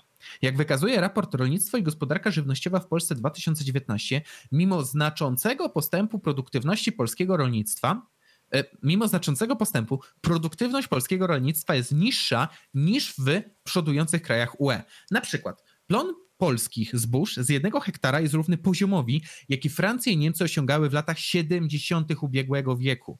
56% powierzchni naszego kraju stanowią powierzchnie rolne. To trzeci co do wielkości wynik w Europie. Choć średnia powierzchnia użytków rolnych przypadających na gospodarstwo zwiększa się w ostatnich latach, to wciąż 51,9% gospodarstw w Polsce użytkuje obszar ziemi mniejszy niż 5 hektarów. Z kolei Gazeta Wyborcza w 2019 roku informowała, że około 800 tysięcy z miliona, z miliona 300 tysięcy polskich gospodarstw rolnych w ogóle nie przynosi zysku. Co gorsza, jak pisaliśmy w naszym portalu, 80 do 90% rynku spożywczego w Polsce jest kontrolowane przez kapitał zachodni. Czy rozdrobnione polskie rolnictwo ma szansę w starciu z dużymi podmiotami? Spoiler, nie ma. Więc wyjaśnię tutaj, dlaczego to jest taki problem. Po pierwsze, mamy ewidentny problem z produktywnością. To znaczy, to wynikać może z braków sprzętowych i technologicznych. Co oznacza, że nasze rolnictwo, mimo że produkuje dużo, no to mogłoby produkować znacznie, znacznie więcej. Wyobraź sobie, że na przykład nie zwiększając tak naprawdę zakresu użytkowanych pól, zwiększamy produkcję żywności dwukrotnie. Tak. I nie stajemy się już trzecim, piątym czy czwartym krajem w produkcji poszczególnych dóbr rolnych, ale stajemy się pierwszym. Ja nie mówię. Rolnictwo to nie jest koniecznie dziedzina, w której należałoby przodować, ale moglibyśmy być w tym efektywniejsi, skoro i tak już jesteśmy w czołówce. Druga rzecz. Dlaczego mamy tak bardzo rozdrobnionych rolników? Odpowiedź brzmi Unia Europejska. Tak, że Dopłaty. Tak, to znaczy Znaczy... Jakie opłaty? Powtórz jeszcze raz. dopłaty dla rolników. A, okej. Już wyjaśniam o co chodzi. W Unii Europejskiej nie wpro... znaczy te opłaty wprowadzono no, w momencie, jak Unia Europejska zaczęła zawiązywać się w swoje polityki, tak? W latach 2000. I teraz tak, kraje zachodnie miały czas, żeby skonsolidować swoje rolnictwa. To znaczy, na przykład, no po prostu no, słabsi rolnicy wypadali z rynku, mniejsi ich podkupowali albo tworzyły się spółdzielnie. Tak? I teraz powiedzmy, wyobraź sobie, że jesteś rolnikiem, który nie ma 5, tylko 100 hektarów. Ze 100 hektarów produkujesz tyle żywności, że możesz nawet negocjować niższą cenę e, w skupie, tak? I Mhm. tak wyjdziesz na swoje. To się nazywa korzyść skali. Czym większy jesteś, tym niższą cenę możesz zaoferować. Bo mm, bardziej rozkładają się koszty stałe na całej produkcji, wiesz, no owszem, wraz ze skalą produkcji wzrośnie na przykład skala kupowanych oprysków, nasion, czegoś tam, ale jednocześnie na przykład no, póki nie wzrośnie jakoś bardzo istotnie twoje poletko, że tak powiem, no to nie będziesz potrzebował więcej niż ten jeden traktor, tak? I jego konserwacja w, kolejnych latach na przykład, albo nie wiem, ten jeden pług, tak? Em, więc no, te koszty się lepiej rozkładają. Tymczasem u nas jest dopłata. U nas jest dopłata dla rolnika, który ma tam chyba właśnie te 5 hektarów biednych, tak? Czy nawet mniejszy niż 5 hektarów. I się trzyma tę ziemię, bo ona, ona nie chodzi o to, że ona przynosi zysk. Jakby rolnik musiał żyć tylko z tej ziemi, to by dawno gryzł glebę z głodu. Taka ironia. Ale w rzeczywistości rolnik trzyma tę ziemię, bo dostanie dopłaty. I z dopłat jest się w stanie utrzymać. To jest niestety coś, za co bardzo krytykuje Unię Europejską. Dopłaty dla rolników wprowadzają taki hazard moralny u nas w kraju. Mhm. Powodują, rolnicy zamiast myśleć o optymalizacji produkcji, o zrzeszaniu się czy coś, nie robią tego, no bo uzyskają kasę z Unii. No to jaką mają mieć do tego motywację? No, Żadnej nie mają. No tak, ale to, to rozumiem, że wygląda to tak, że te dopłaty dostają polscy rolnicy, a ci z zagranicy już nie i dlatego oni mają tą większą motywację do pracy, tak? Nie, nie. Też dostają, tylko oni zdążyli się skonsolidować zanim te opłaty weszły. A, okay. Polska nie przeżyła tej konsolidacji, bo my, wiesz, wychodzimy z PRL-u, konsolidacja no tak. się zaczyna i zaraz wchodzimy do Unii. Znaczy to jest perspektywa 15 lat, no gdzie tak, tak. na zachodzie te procesy zachodziły przez pół wieku. Mhm, tak? Pewnie. Mówimy rozumiem. o takiej skali. Um, dodatkowo jeszcze właśnie mamy rozdrobnione te gospodarstwa rolne, więc żaden większy przetwórca żywności z nami nie będzie się chciał dogadywać. Znaczy jasne, lokalna Biedronka zamówi sobie żywność od rolników, ale też nie od małego rolnika, tylko od jakichś spółdzielni, które się ewentualnie utworzyły po PRL-u, tak? No, od małego rolnika to, to się nie opłaca zupełnie, no bo zaoferuje nam zbyt wysoką cenę, a w markecie ma być wszystko tanie po prawdzie, nie? A dodatkowo... No, Zwłaszcza, że bardzo często rolnicy wchodzą do supermarketów i tak, o, to nie jest z Polski, to nie jest z Polski, a czemu nie kupicie ziemniaków z Polski? E, bo drogie. No dokładnie. Bo drogie, nie? bo jesteście za bardzo rozdrobnieni, no przykro mi. No ale rozumiem ich też, no bo wiesz, człowiek zawsze dąży do największej użyteczności samego siebie. W związku z tym, no jak dają mu kasę, no to bierze, nie? No, no i proste, no, no nie, bez wysiłku zyskuje tam x tysięcy, nie wiem. Unia Europejska potrafi dopłacać za totalne absurdy. Nie wiem, za to, że powstrzymasz się od hodowli czegoś, tak? W sensie masz działkę, mógłbyś tam hodować jakiś towar, albo hodowałeś w przeszłości, jeśli się powstrzymasz na przykład przez x lat dostaniesz pieniądze z Unii, nie? No, no to jest patologia, to jest moral hazard moim zdaniem. I Rzekłbym tak. W tym artykule jest jeszcze wskazane, że polskie rolnictwo powinno się bardziej konsolidować. E, wskazuje się na przykład, że mamy świetne tradycje spółdzielni rolniczych. I to jest prawda. Mamy świetnie funkcjonujące spółdzielnie, tylko moim zdaniem to się nie zmieni póki. Będzie istniał fundusz. Czekaj, teraz, żebym nie, nie schrzanił, jak się nazywa ten fundusz rolnictwa w UE. Masz na myśli ten mm. fundusz, który dopłaca jakby pieniądze. Tak, Europejski tak? Fundusz Rolny na rzecz rozwoju obszarów wiejskich. O, to jest jego pełna nazwa. Okej. Okay. Um, tak, i no póki ten fundusz istnieje, moim zdaniem nie ma mowy o jakiejkolwiek konsolidacji polskich rolnictw. Chyba, że, że nie wiem, ktoś to zrobi pod przymusem, ale to się może źle skończyć i to bardzo źle. Um, a druga rzecz jest taka, że Matko, gdybyśmy mogli sobie skonsolidować rolnictwo i z niego więcej zrobić, przecież to jest darmowa kasa dosłownie. No ale to się nie stanie i bardzo się cieszę, że tutaj podjęto ten, te kwestie. Mhm. Natomiast wątpię, czy, no. czy nasze rolnictwo byłoby w stanie przejść taką transformację bez jakiegoś przymusu odgórnego. Co, mówię to z przykrością, no bo silnym bodźcem jest Unia Europejska mimo wszystko, więc... No tak, nie, nie da się ukryć. Tak więc tak więc cieszę się, że właśnie ten temat zostaje podejmowany i no i cóż, no odsyłam ewentualnie do zapoznania się z artykułem właśnie tego klubu jagiellońskiego. Przypomnę tytuł, to jest Warzywniak plus to zły pomysł, ale konsolidacja branży spożywczej jest potrzebna. Um, interesująca perspektywa, moim zdaniem pomysły są tutaj troszeczkę nie do zrealizowania przez ten wpływ unijny, ale jeśli ktoś chciał się dowiedzieć właśnie za co krytykuje Unię Europejską, bardzo ich krytykuje za politykę rolną, rzekłbym, przynajmniej tutaj w kraju, bo ja nie mówię, że ona źle się wszędzie sprawdza, ale naszemu krajowi jest bardzo, bardzo nie na rękę. Okej. Okay. I ty mówiłeś, że masz jeszcze jakieś newsy śmieszkowe, tak? Yy, znaczy, miałem dwa śmieszkowe, z czego jeden właśnie mi wypadł z głowy, więc najwyraźniej nie był aż taki ważny, yy, ale drugi, drugi nadal pamiętam. To wiesz co? Ja mam taki półśmieszkowo, półpoważny jeszcze jeden news. Pewnie, to śmiało. zacznę od niego potem przejdziemy do twojego, a potem będę miał jeszcze takie jedno jajcarskie. Dobra. Tak więc um, przeprowadzono, y, IQS przeprowadziło badania aspiracji dziewczynek w Polsce. To znaczy, jakie zawody dziewczynki chcą podejmować w przyszłości. E, w wieku 10-15 lat. Najczęściej wybieranym zawodem jest prowadzenie kanałów w mediach społecznościowych YouTube, Instagram czy TikTok. Um, Pracę jako influencerka internetowa deklaruje 48% dziewczyn. Na drugiej pozycji uplasowała się dopiero grafika komputerowa, 21% dziewczyn. Okay. Następnie prawniczka 18%, nauczycielka 17%, osobista trenerka 16%. Ale, co ciekawe, do tego badania jednocześnie przeprowadzono badania, które wskazują, że mm, no. co by chciały mamy dla swoich córek. Mm. Najczęściej chcą grafika komputerowa 26%, prawniczka 19% i lekarka też 19%. E, tylko 12% matek chciałoby, żeby córka została influencerką, tak, internetową. E, a jeżeli spojrzeć chęć pójścia na studia, deklarują aż 58% dziewcząt, ale aż 39% nie wie tego, czy, e, aż 39% nie wie jeszcze, czy tego chce. Okay. Po stronie matek zaś 86% matek pcha dziewczyny na studia. I poważnym problemem jest to, że jest to takie pchanie na siłę i na ślepo. Bo według badania 30% córek nie wie, jakie studia by chciało podjąć i 29% matek nie wie, jakie studia. Byleby poszło na studia, nieważne jakie. Rozumiesz.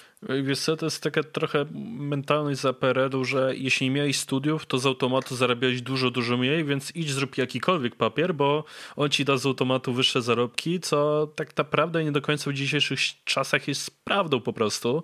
Oczywiście mhm. są zawody, gdzie papier magistra czy licencjata ułatwi pewne rzeczy, czy dostanie się do pracy, czy dostanie trochę wyższej wypłaty, zwłaszcza w korporacjach, um, ale w wielu, że tak się wyrażę, zwykłych miejscach pracy to ten papier nie jest aż taki ważny, nie? No na przykład w branży, w której ja pracuję jako sprzedawca marketingowych, no to, to na największe znaczenie ma to, jakie masz gadane, a nie to, czy to masz magistra z czegokolwiek, nie? Więc, mhm. więc w dzisiejszych czasach to mocno zależy, no jak jesteś influencerem, to to zabrzmi to brutalnie w przypadku kobiet, dziewczyn, jakkolwiek to mówić. Bardzo często nic nie musisz umieć. Musisz wyglądać i no, na tym się to kończy. No, jest to taka niepisana niestety zasada, że nasz wygląd trochę wpływa na to, jak nam idzie w życiu zawodowym i może też trochę z tego powodu się teraz odchudzam, nie mam pojęcia, ale wiesz, no prawda jest też taka, że no aparycja niestety to jest ten, mówi się o tym, że nie należy słuchać się efektu halo, jak kogoś, nie wiem, przesłuchujemy do pracy, ale prawda jest taka, że oh boy, szczególnie w korpo, oni no. naprawdę potrafią cię zmierzyć wzrokiem i o, na bazie tego już stwierdzić, że chcemy, nie chcemy. No, tak. Albo ktoś to... się bardzo wyrywa. No wiesz, no, takie instynkty, takie, takie bodźce, o, bodźce decydują o tym, czy się gdzieś dostaniesz. Mm, dokładnie, no poza tym e, to, to że mi powiedzieć, że większość dziewczynek chce zostać influencerkami mnie zupełnie nie zaskoczyło. Wiesz, jak ja czasami słyszę u siebie, e, na jakie deale czy jakie kwoty dostają influencerki, nie, nie influencerzy koniecznie, tylko influencerki, to takie, których profile na Insta głównie polegają na tym, że robią sobie ładne zdjęcia z różnymi rzeczami, czy w różnych jakby sytuacjach, to jest naprawdę łatwa kasa, nie? Łatwa, ale też popatrz, to jest trochę ten problem jak z tymi miliarderami. Dobra, to jest super kasa i jak już jesteś, to, to łatwo cię trzepać, ale jak ciężko się dopchać do tego miejsca, jak niewielu się udaje. Znaczy, tego się nie dostrzega. Znaczy tak, no wymaga to trochę pracy, choć mam wrażenie, że influencerki, które swoje profile opierają głównie o to, że są ładne, mają naprawdę dużo łatwiej, bo tak, zwłaszcza, tak. że dużo pewnych rzeczy, pewnych sytuacji da się mocno podkoloryzować, udać i tak dalej, i tak dalej. E, a poza tym trzeba, musimy pamiętać jeszcze o jednej rzeczy, bo te, te młode mhm. dziewczyny, kobiety chcą być influencerkami, bo to jest łatwa kasa i tak dalej, i tak dalej, i tak dalej. E, ale trzeba pamiętać, że to w końcu któregoś dnia minie, jak będzie się miał te 30-40 lat. I pytanie, czy się odpowiednio zainwestowało tą w cudzysłowie łatwą kasę w tym czasie, nie? Bo jeśli nie, Dylemat. to no, no. Bo jeśli nie, to nagle pojawia się ten problem, że trzeba pójść do zwykłej, ciężkiej roboty, a jedyne co wpiszę w CV, to bycie łanym na Instagramie de facto, nie? Um, znaczy można to ładnie pokolorować słowa moim zdaniem, ale co no tak, content creator, te sprawy, nie? Tak, no to jest dylemat sportowca. Wiesz, kończyć się kariera w wieku lat no, no max 40, co dalej, tak? Musisz mieć pomysł na siebie dalej. I... Tak, tylko wiesz, że w przypadku sportowców jest o tyle dobrze, że jeden były sportowiec pójdzie jako komentator sportowy, jeden były sportowiec pójdzie jako trener sportowy, inny były sportowiec pójdzie jako jakiś, nie wiem, analityk, bo miał do tego web zawsze, tak? E, jakiś inny zostanie e, celebrytą sportowym, tak? Jakby nie patrzeć. No, tak jak na przykład podajże chyba Żywakow jest kanale sportowym obecnie, nie? E, jeśli dobrze kojarzę. Ma mówi się Bońku? No, o właśnie, pójście do instytucji, jaką jest PZPN, czy inna, e, inna rządowa instytucja sportowa, tak Bardziej jak na przykład Małysz jest szefem kadry, tak? Znaczy jest tak, szefem tej kombinacji narciarskiej. No, o, no, więc-. On jest takim gościem od wszystkiego. Tak, więc w przypadku na przykład sportu, tak, kariera sportowca jest krótka, jest to jak najbardziej prawda, e, ale jeśli masz jakiś web do tego albo masz dobrych doradców, no to możesz sobie po zakończeniu tej kariery sportowej e, znaleźć sobie mimo wszystko w tym sporcie nadal miejsce, tak? A w przypadku influencerek, jeśli no jakoś tak średnio to widzę, bo jeśli twoje tworzenie kontentu to było robienie sobie ładnych zdjęć i ładnych opisów, e, to, to pytanie, czy się na Trochę za pewno. U, no właśnie, pytanie, czy na pewno uda się coś znaleźć po tym, nie? I Bo no, nie szukujmy się, na pewno nie znajdziesz tych samych pieniądzach, to jest niemożliwe. Znaczy, ja tak chciałem jeszcze zażartować przy okazji tych wyborów, tych preferencji, że jesteśmy częścią problemu. Bo, no dobra, może nie duży, ale jako taki mały sukces odnieśliśmy na tym YouTubie, tylko łatwo jest popatrzeć na, że tak powiem, fronton tego wszystkiego. Nikt nie widzi tej pracy, która się dzieje za kulisami. Ile czasu trzeba poświęcić, żeby zresearchować dany temat, napisać ten scenariusz, coś takiego. No plus my nie jesteśmy influencerami per se, znaczy no przykładamy jednak trochę pracy, żeby tworzyć materiały informacyjno-popularno-naukowe, podczas gdy E. no, influencerka bazuje na czymś innym, nie? Według definicji influencer to jest osoba, która wpływa na inne osoby, tak od influence, czyli wpływ, e, wpływać. Więc teoretycznego punktu widzenia, ty przekazując informacje naszym widzom, w jakiś sposób na nich wpływasz. Na przykład na, na tych, którzy piszą, że oglądając Briefa czują się jednocześnie szczęśliwsi, a jednocześnie czują się jeszcze gorzej niż się czuli wcześniej, czyli wychodzą na zero. Ale jednak to jest jakiś wpływ, tak? E, Tak samo Czyli- ja moim śmiechem wpływam na to, że naszym kochanym słuchaczom jest przez chwilę dużo lepiej tak samo. E, Czują się tak samo dobrze, jakby przez chwilę oglądali Roberta Makłowicza. To jest piękne uczucie. 10 na 10 polecasz każdemu. Dokładnie, Znaczy- oglądanie Makowicza to, to, to jest wspaniały pomysł na życie.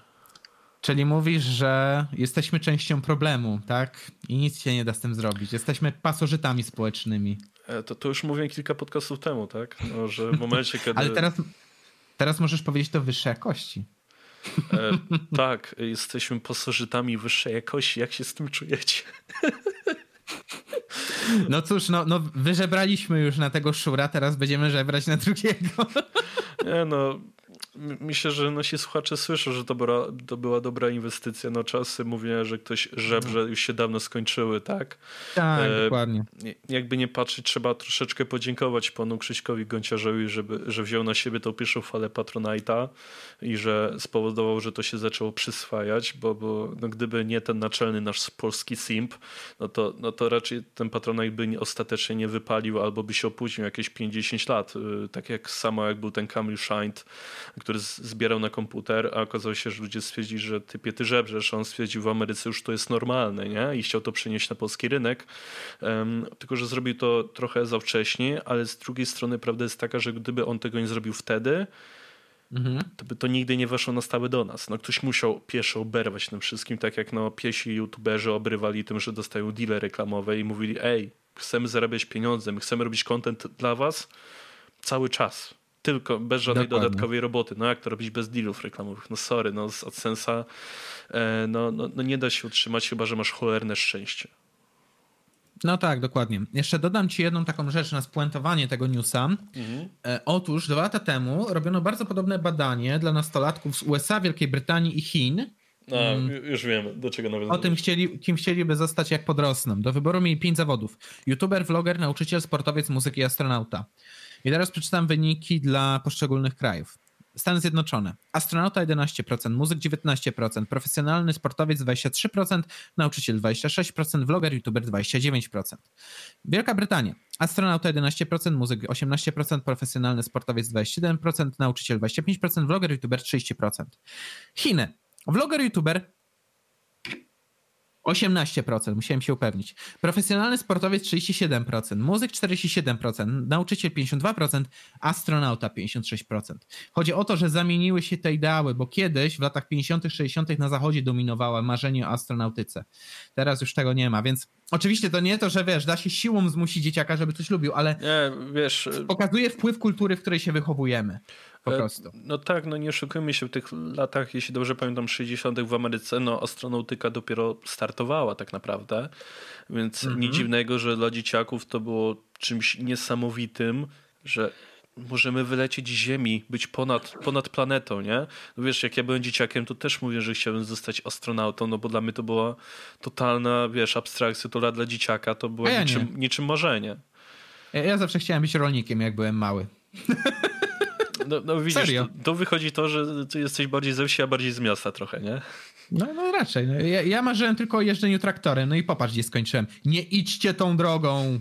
Ej, ale ja też za dzieciaka jeździłem traktorem, bo miałem część rodziny na, na wsi. Bardzo często z dziadkami tam jeździłem. Ale ja, ja chciałem w dorosłym życiu jeździć traktorem, nie przejmować się tym wszystkim, nie śledzić tych newsów, nie robić tych analiz. No to życie byłoby o tyle piękniejsze. A tak, żyjesz z tą świadomością, jak bardzo świat jest rozrypany i co możesz zrobić? Możesz jedynie usiąść w kącie i nawet nie zapłaczesz, bo inaczej YouTube zacznie cię odbierać jako słabego. No szkurwa mać. No, no, no, no tak, co ja mogę powiedzieć? No, to były piękne czasy, gdy miałem te 7 lat, czy tam 6, e, albo więcej, już nie Aj, pamiętam. tak.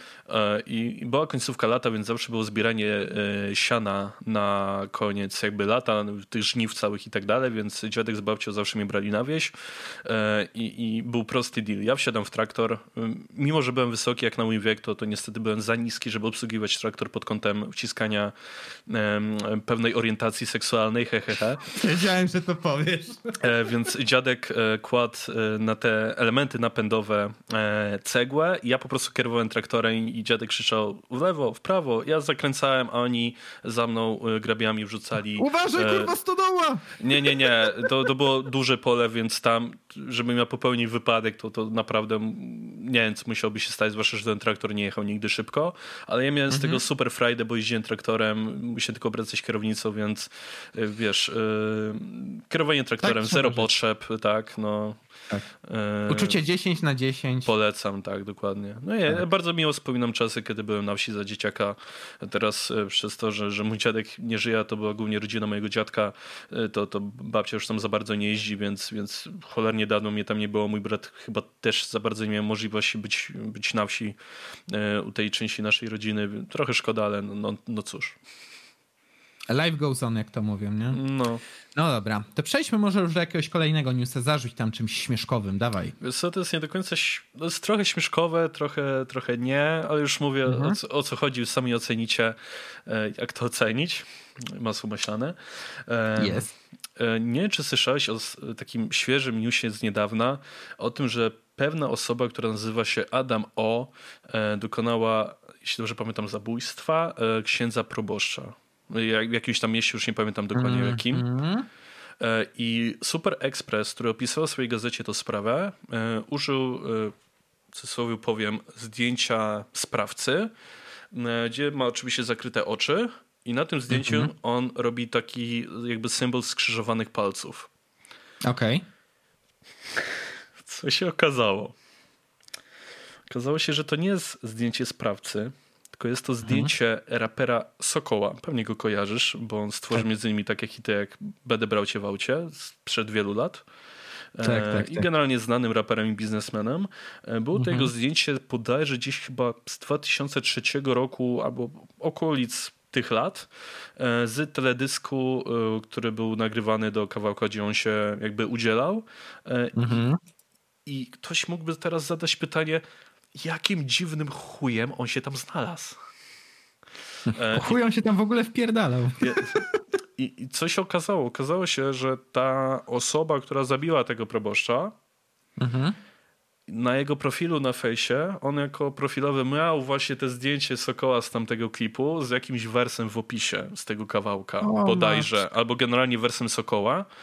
I Super Express w ogóle nie myśląc, robiąc zerowy research, stwierdziło tak, to zdjęcie tego typa, wpieprzamy to na pierwszą stronę gazety, obok tego newsa o tym proboszczu. I teraz e, wszystkie jakieś takie media około rapowe e, zaczynają się zastanawiać, czy pan Sokół złoży pozew do Super Expressu na zasadzie wpłacie hajs, oczywiście na, na pewnie jakąś akcję charytatywną, ale no, no na zasadzie ej chuje, wykorzystaliście mój wizerunek, nawet tego nie sprawdziliście, e, tylko wzięliście po prostu profilowe z profilu tego typa w ogóle stwierdzają, że to musi być na pewno to. Nie, nie mógł stawić czegokolwiek innego. Nie wiem, no, no wyobraź sobie, że ktoś by stawił sobie na profilowie Jana Pawła II i ktoś by tego użył w gazecie na przykład. Ale przecież to można sprawdzić tak łatwo. Zwykłe szukanie grafiki Googlem. No dokładnie, no zwłaszcza, że jeszcze w opisie był jakiś wers, nie? To może by sprawdzić, z czego pochodzi ten wers po Google i na zasadzie, ej, to może z klipu tego kawałka czy coś, bo w sumie to rap, więc teledyski, znaczy, te sprawy.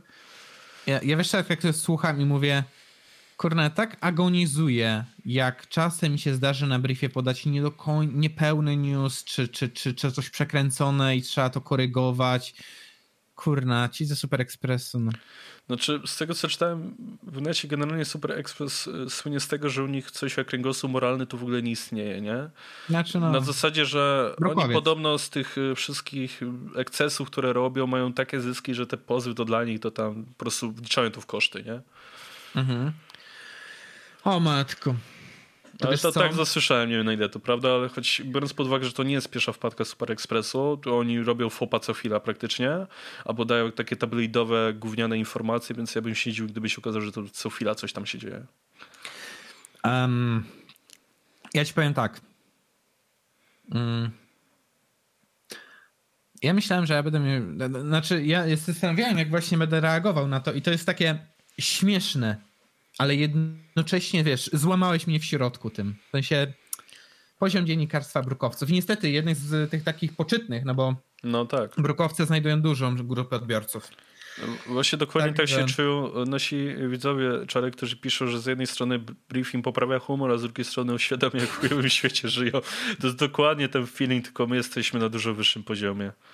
Tak, przy, przynajmniej ich ten, przynajmniej ich nie oszukujemy, że jest jakoś, nie wiem, dobrze. Nie, jest chujowo, pogódź się z tym. Dokładnie tak. Y, y, witamy w Polsce, witamy w 2021 roku. Myśleliście, że będzie lepiej? nie. Rozpoczynamy tutorial, którego nie ma. Radź sobie. Tak, to, to jest jak granie w Minecrafta w roku 2010. Nie, nie wiesz, co robisz, ale robisz, a potem zobaczysz, y, widzisz Creepera, jest takie no to fajnie.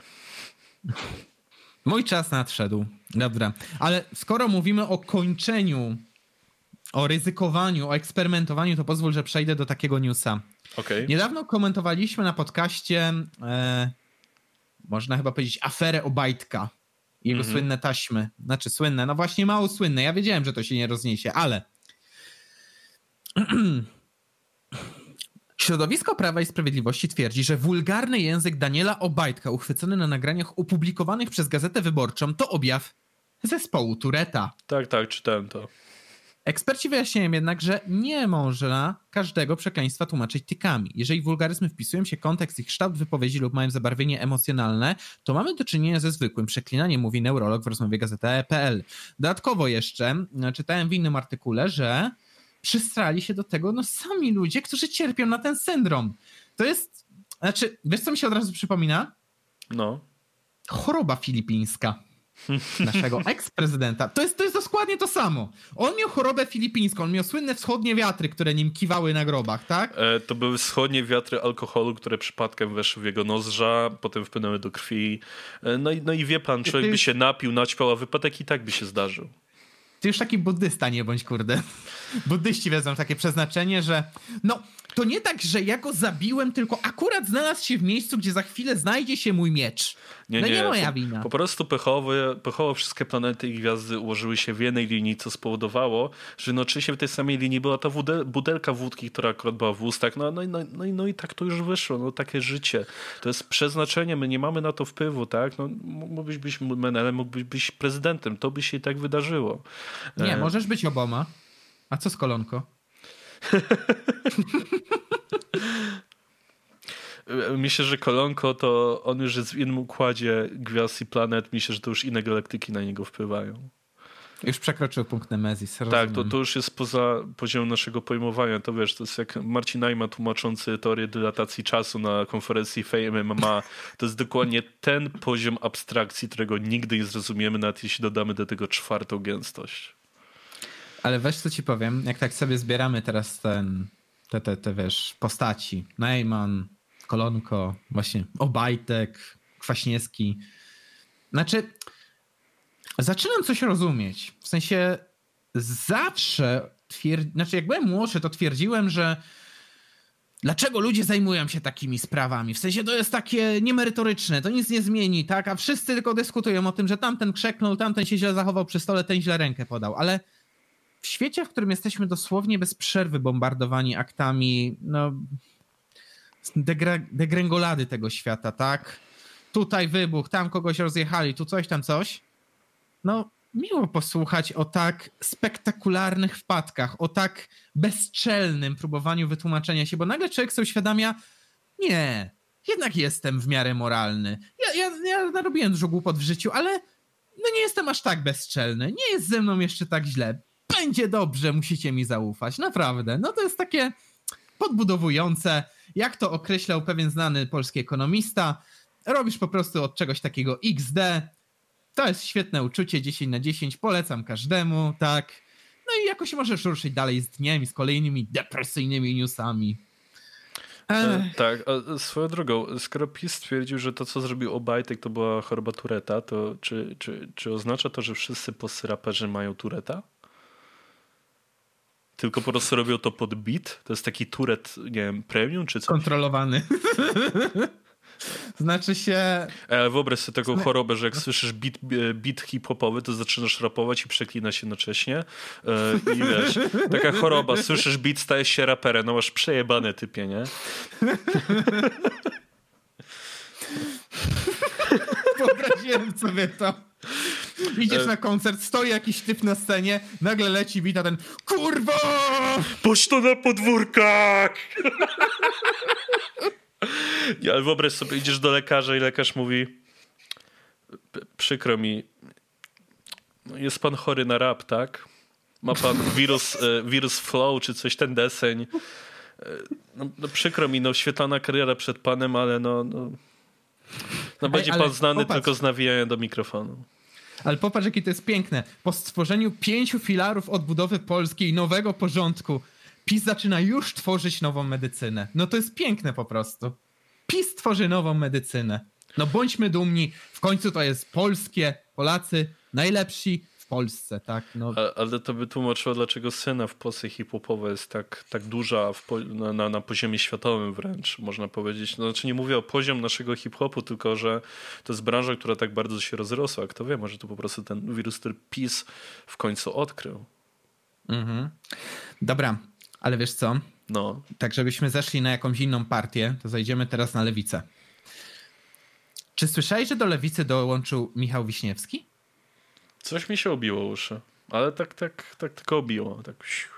No to dołączył Michał Wiśniewski, a konkretniej Biedroń przemalował się na czerwono. A, o tym mówisz. Tak, o tym mówię, ale nie, to nie jest, żeby nie było, to nie jest cały news, bo, nie, to, to, by było to, to, to, jest coś w stylu mama, możemy mieć Michała Wiśniewskiego w domu, Michał Wiśniewski w domu.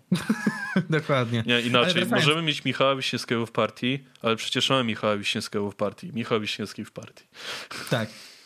Ale e, przechodząc do sedna. Mm, nie wiem, on ostatnio wpadł już w taką spiralę do zatracenia, bo ewidentnie nie znajduje poklasku politycznego za bardzo. No jest takim fajnistą i wie, że tylko na tym może wyjechać. W związku z tym pofarbował te włosy niby w proteście przeciwko poziomowi edukacji seksualnej w Polsce i że prześladowanie chyba tam kobiet, coś jeszcze było, gdzieś tam czytałem, ale no, że, że, że Polska zła i tak dalej, ale e, na Twitterze, na profilu pana Pawła Rybickiego pojawiło się nagranie, gdzie Biedroń miał przemawiać przed Unią Parlamentem. Jest przecież europosłem. I on tak, wchodzi na mównicę i mówi, tam, tam, wita się ze wszystkimi i mówi Proszę Państwa, oto jak wygląda, jak brzmi demokracja bez mediów. I miał taką ta tabliczkę, tabliczkę czarną z napisem Free Media i ją po prostu położył przed y, ustami i milczał przez minutę. Chyba z pięć razy ten przewodniczący obrad kazał mu zejść z mównicy, bo blokuje obrady. Nie to, żeby te obrady nie były takie po łebkach robione i tak dalej, ale no szmatko, przecież to jest zachowanie ale dwunastolatek w Unii Parlamencie. Znaczy, nie to, żeby mnie to jakoś mocno dziwiło, ale nadal, no, wydało, przydałoby się, żeby mimo wszystko, jakby nie było, no, dyplomata, reprezentant Polski reprezentował nasz kraj godnie, a nie odwalał taki pajacyk w Unii Parlamencie. Taki, tak, tak, taki, e, przepraszam, pajacyk, cyrk w Unii Parlamencie. Chciałbym... Znaczy, bo to jest jakbyś robił cyrk w cyrku. No, no. Chciałbym ci przypomnieć, że głównym kanałem e, zdobywania e, jakby nowych wyborców przez lewicę jest TikTok mnóstwo widzę filmów tak. z TikToka, które są ewidentnie robione przez ludzi z jakichś młodzieżówek lewicy, czy to nawet partii lewicowych. Nie wiem, czy Biedroń też nie robi czegoś na TikToku, ja tego tak mocno nie obserwuję, bo, bo się szanuję między innymi. Um, ale no, no, tak na grupkach czy na, na, na Twitterach widzę, że jest tego naprawdę sporo, e, więc e, no wiesz, myślę, że on się po prostu przymówić do swojego lektoratu. To tak samo jak Korwin mówi o wiadomych rzeczach z, z mówicy sejmowej e, i, i nagle wszystkie kłóce przed telewizorami mi, panie Januszu, nie! Ale wiesz co? Um, ja bym chciał jeszcze dostrzec tutaj przy okazji case'a case pana Biedronia, że um, znaczy masz rację, że on się na TikToku coś tam promuje, ale bym jeszcze dodał jeden kanał. I, Instagram. Oni ewidentnie przez Instagrama, szczególnie Biedroń. On ma tam masę followersów akurat i z tego co wiem to... Ale to pokazuje jaka to jest marna jakość polityki. Gdzie Ale... inni próbują debatować, pisać posty na jakieś tematy, coś nie. Biedroń zdjęcie i możliwie krótki, prosty opis do zrozumienia. To jest jeden z najbardziej prymitywnych posłów, jakich mam, jakich znam. Najbardziej prymitywnych polityków, jakich znam w ogóle. No tak, no wiesz, no Instagram jest prostym narzędziem. Oczywiście są tacy ludzie jak Sałek Mencen, którzy wiesz, laborat, kurde, na 2000 słów na Instagramie, wypchajmy limit ile się da. E, no ale też jest Robert Biedroń. W ogóle zauważyłem, że Lewica już tak bardzo upraszcza swój przekaz. E, nawet nie stara się jakiejkolwiek merytoryki, nawet, nawet, nawet, udawanej merytoryki wsadzać do, do tych swoich przekazów, tylko jest to rzucenie hasełek, jest to iście... Ja mam wrażenie, że, że Lewica chyba sądzi, że ten ich elektorat, który ma teraz 15, 16, 17 lat, to za chwilę będzie 18, 19, 20 i ci ludzie pójdą głosować na, na, na Lewicę, więc za 5 lat będzie zajebiście. E, tylko pytanie, czy, czy, czy tych ludzi za chwilę nie zweryfikuje życie i się za chwilę ich orientacje hehe polityczne jakoś tak nie zmienią. Ty, no. Ale zauważyłeś coś? To są te same słowa, które mówiono o korwinistach parę lat temu i faktycznie nastąpiła zmiana wahadła. Młodzież była bardziej taka korwinistyczna, prawicowa, nagle stała się bardziej lewicowa.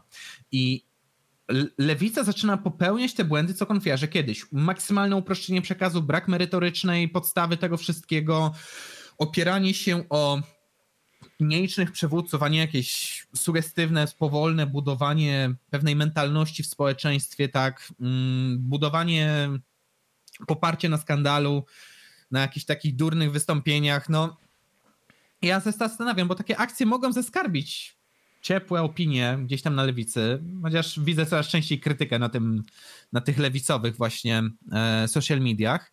Natomiast no wiesz, myślę, Matko że. moja jedyna. Myślę, że oni mają. To jest to... powtórzenie błędów korwinistów sprzed lat. Tak, no właśnie mnie. chciałem powiedzieć, że te pewnie te, te krytykujące lewicowe PE, które krytykują własne środowisko, e, nie dziwię się, jeśli oni mają ten syndrom Korwina w zasadzie, że panie Januszu, proszę nic nie mówić, ale za chwilę wybory, no, no proszę.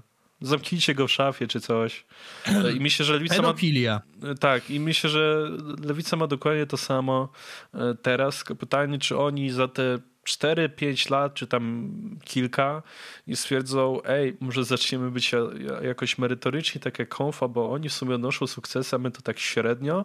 E, I pytanie, czy teraz sobie nie, zaskarb nie zaskarbiają, wiesz, e, uznania tych młodych, e, którzy jeszcze tak nie do końca kumają, czym jest życie, a później znowu zaczną być bardziej merytoryczni i będą mieli tak jak trochę Konfa dwie pieczenie na jednym ogniu, czyli z jednej strony tych młodych, a drugiej, z drugiej strony tych, tych, tych dorosłych młodych, o, może tak to ujmę. To powiem ci tak. Zgadzam się, ale no, puenta jest tego taka. Rynek zweryfikuje. No, no tak, no musimy dać temu czas. A propos weryfikacji rynkowej, jeszcze przejdę do takiej jednej informacji drobnej. Mhm. Nie wiem, czy słyszałeś o najnowszej kampanii marketingowej BNP Paribas. Mm, mm, Przeczytam ci tylko post nad materiałem wideo, który się pojawił. 90% patronów szkół to mężczyźni. Dlaczego tak mało mówimy o osiągnięciach kobiet i pomijamy ich rolę w naszej historii? W Międzynarodowy Dzień Kobiet postanowiliśmy zapytać o to, gdzie są nasze patronki. I jak wejdziesz na stronę www.patronki.pl, to to jest inicjatywa BNB Paribas, żeby zmieniać nazwy szkół na siłę na kobiety. I oczywiście ja nie mówię, że nie ma wyjątkowych kobiet w społeczeństwie, tak? Tylko Powiem tak, mamy tutaj podane na przykład Irenę Kirsztań-Szewińską, czyli lekkoatletkę naszą, Helenę Modrzejewską, czyli najsłynniejszą chyba polską aktorkę, e, ale mamy też podane takie, bym powiedział, niezbyt pasujące do polskich szkół przykłady pokroju.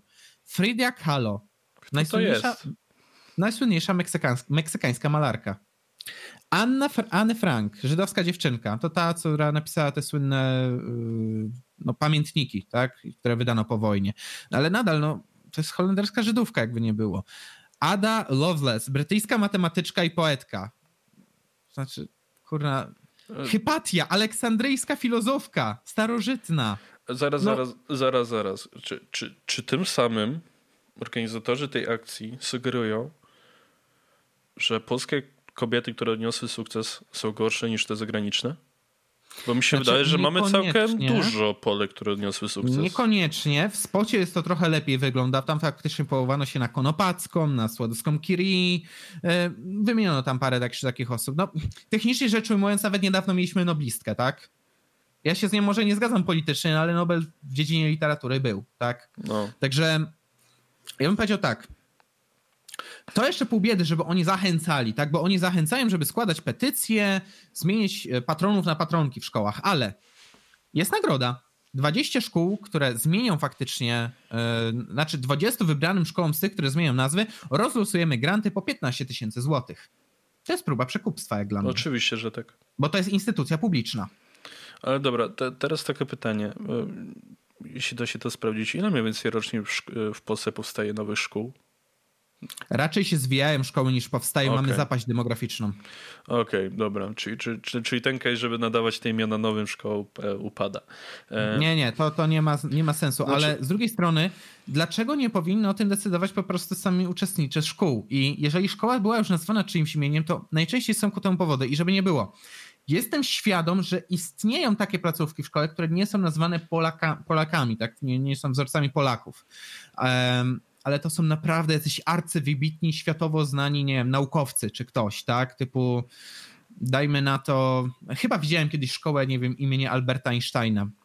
Na przykład. No ale to jest tak znana osoba i to jest dosłownie wyjątek w morzu polskich przykładów, bo najczęściej kogo widzimy? Nie wiem, Piłsudskiego, Jana Pawła II, yy, dajmy na to... Kopernik. Mm, Kopernik, o, to jest dobry przykład prawda jest taka, że w sumie chodzę do uczelni Kopernika. No super, kurna, przywiązanie do Nie, no, wiesz, Alfa Mater. No. Jedno z technikum e, u mnie w mieście rodzinnym było jakiegoś generała Jose, jakiegoś tam na skąd. To była mhm. ewidentnie jakaś postać z zagranicy, więc te zagraniczne się zdarzają, ale większość, no na przykład moja podstawówka była imienia Armii Krajowej, ale wynikało z tego, co kojarzę, nie jestem tego pewny, mhm. z tego, że chyba akołcy jakoś chyba wykorzystywali kiedyś ten budynek, albo coś się tam działo, już nie pamiętam dokładnie, ale był jakiś tam o, o, powód, o, to, to, żeby, żeby to było Armii Krajowej. E, to, to, to. E, ja ci powiem, że e, często te szkoły są nazwane też z przyczyn historycznych. Właśnie jak mówisz, akowcy wykorzystali budynek twojej szkoły, a na przykład ja miałem gimnazjum, które obecnie jest przerobione na podstawówkę u mnie w mieście rodzinnym imienia Słubickiego, Augustyna Słubickiego, bo to był lokalny działacz społeczny, mhm. który działał w mieście, tak? Więc to jest nazwa mocno zakorzeniona historycznie. Tam jest jeszcze liceum, ale liceum jest z tego co pamiętam Kasprowicza, czyli już taka no, bardziej ogólna postać, nie? I powiem tak, chcecie zmieniać, dobra, jak ktoś to zrobi z dowolnej woli, to proszę bardzo, ale bardzo mi się nie podoba forma na zasadzie przekupmy po prostu, tak? Za, za, zaświećmy kasą przed oczami. A ja mam teraz inne pytanie. No. Ile administracyjnie kosztuje zmiany wszędzie nazw szkół e, w, w wszystkich możliwych dokumentach, etc.? Czy to przypadkiem nie są wyższe koszty niż 15 tysięcy? Nie mam bladego pojęcia szczerze. No właśnie, py pytanie, czy dobrze to, dobrze to jakby wyliczyli? Czy, czy na pewno to się szkołom będzie opłacać? No tak, ale to już jest takie, powiedzmy, w gestii dyrektorów, -hmm. żeby przyjrzeli się temu, nie? No tak. No bo tak, no to ciężko mi na ten moment zwyczajnie odpowiedzieć, ale moim zdaniem akcja jest taka, rzekłbym, no śliska, bo żeby to było samo zachęcanie, to dobra, pół biedy, ale mm. no tutaj mamy dołożenie kasy jako no motywatora, się, że tak powiem. Mi się trochę wydaje, że chyba im starsza szkoła, tym, tym może być ciężej zmienić nazwy we wszystkich dokumentach i tak dalej. Więc, a że starych szkół w Polsce mamy hu, hu, hu, bardzo dużo, wręcz prawie wszystkie, to pytanie, czy ta akcja rzeczywiście ostatecznie wypali. Ja widzę już po, po coverze, że tak to ujmę, miniaturce e, tego, tego spotu wideo, o którym wspominałeś, po twarzach tych ludzi, zwłaszcza e, tego chłopaka siedzącego w białym swetrze z tą miną. E, ja tylko śmiechem mogę na to zareagować. Ja już widzę, co będzie w tym klipie. To jest piękne uczucie, że widzisz coś i już wiesz, co będzie w środku. Nawet nie musisz się zastanawiać.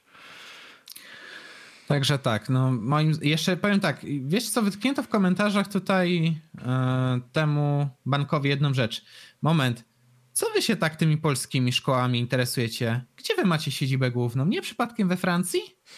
Bo to jest moim zdaniem w opór bezczelne. To jest francuski bank. No. Co on ma do Polaków tak naprawdę? W sensie bank powinien służyć jako instytucja obrotu pieniędzmi, kropka. Jak chcą się wkręcać w jakąś akcję społeczną, proszę bardzo. Ale kurczę, u siebie może. W sensie to jest moim zdaniem właśnie taki no, paskudny wyprysk kapitalizmu. Właśnie dzisiaj mówiliśmy o wadach, że to się kieruje chęcią zysku, więc oni robią sobie tę kampanię marketingową, Oczywiście, żeby zyskać że tak. popularność. No, oczywiście, Ale- że tak, no. Ja Ale nie, moim zdaniem ja się nie dziwię, jak niedługo ktoś z tego banku będzie, albo z tej akcji będzie niuans rady, bo oni bardzo lubią promować takie rzeczy. Znaczy promować, nie oszukujmy się, no tam się płaci pieniądze, przychodzi osoba do audycji i jest to audycja z patronatem, czy tam sponsorem, zwał jak zwał. Moim zdaniem mm, ta akcja jest śliska na wielu płaszczyznach i powinna być moim zdaniem raczej krytykowana niż zachwalana. E, Zwrócenie uwagi na jakiś problem myślę, że mogłoby im przynieść po prostu pozytywny PR, ale przez to, że oferują kasę i No. przez to, że jakby nie wiem, no, no, no tak jakby udają, że są z innego kraju i że, że, że nie są z innego kraju, moim zdaniem sobie zeskarbiają negatywne reakcje i cholera jasna wie, czy po tej akcji nie stracą wręcz więcej klientów niż zyskają. Znaczy, prawda jest taka, że gdyby oni zrobili taką stronę, która ma nagłośnić tą akcję bez żadnego, żadnej rzeczy typu ej, damy 15 kafli dla jakichś wybranych szkół, które zmienią rzeczywiście te nazwy, czy te, tych patronów, e, patronaty, Mhm. e, to prawda jest taka, że marketingowo to by się bardzo słabo odbiło i by nie miało echa, tak to wiesz, nowa akcja BNP Paribas, y, szkoły mogą wygrać 15 tysięcy złotych, wiesz, to się ładnie klika, nie? Więc Tak, tak, ja rozumiem to. Łatwiej też po to Mhm. robić e, artykuły sponsorowane później, więc to, to jest marketingowo bardzo przemyślane, żeby ten bank wyłożył hajs, bo to się po prostu lepiej kliknie. No dobra, ale czy naprawdę myślimy o klikach, czy o bazie klientów? Bo Znaczy- mam wrażenie, że marketing niektórym za bardzo przeżera już mózgi. To, że coś się kliknie na Google, to nie znaczy, że to jest efektywna kampania marketingowa. Znaczy, przede wszystkim musimy zadać sobie pytanie, wymyślił to bank, czy wymyśliła to agencja marketingowa, która zaproponowała to bankowi, a bank na to poszedł na zasadzie, no pewnie będzie spoko. Jeśli tak to zrobił, no to martwiłbym się o zarządzanie bankiem wtedy. Bo jest bardzo lekkomyślne wtedy. No, Takie, a zróbmy to, zobaczymy co będzie. Powiem ci tak, no marketing trochę polega na eksperymentowaniu, nie? na wdrażaniu jakichś nowych pomysłów, które mogą wypalić, mogą nie wypalić, więc no co, no pozostaje nam nic innego niż czekać i obserwować, co się dzieje. Możliwe, ale powiem ci, że jeżeli mamy tak czerwone flagi, że aż nas napieprzają po oczach tą czerwienią, to naprawdę moim zdaniem popełnienie błędu w tym przypadku to nie jest kwestia przeoczenia czegoś, to jest naprawdę kwestia już nie wiem, jakiejś lekkomyślności albo uprawienie konkretnej linii politycznej. No mojej opinii po prostu. Ta sprawa mi bardzo śmierci. No, ale wiesz, Em. jeśli chcą trafić do młodych, to ci młodzi nie będą zwracać na to uwagi, nie? I ostatecznie może Szczerze? im to wyjść na plus mimo wszystko. Szczerze będę obserwował, ale nie zdziwię się, jeżeli ta akcja odbije się tak negatywnie, jak się odbiła akcja na przykład, e, to był chyba Gillette, jak stracił strasznie dużo klientów. Ale mówisz o tej reklamie z gejami, która była emitowana w Polsce? Chodziło o te, czy to było Gillette, nie jestem pewien. Chodziło o to, że, że tam trzeba walczyć coś z toksyczną męskością, czy coś. O Jezu, tak. Nie? Znaczy wiesz co, jak słyszałem o tej kampanii, to miałem takie... Naprawdę wzięliście jakąś kampanię z Ameryki tak jeden do jednego do polskiego, tak przerzuciliście do kraju, który ni cholerę nie jest takim targetem. On Mhm. nawet się nie zbliża do tego targetu, który trzeba osiągnąć, do którego trzeba trafić. To jest antytarget wręcz. Dokładnie.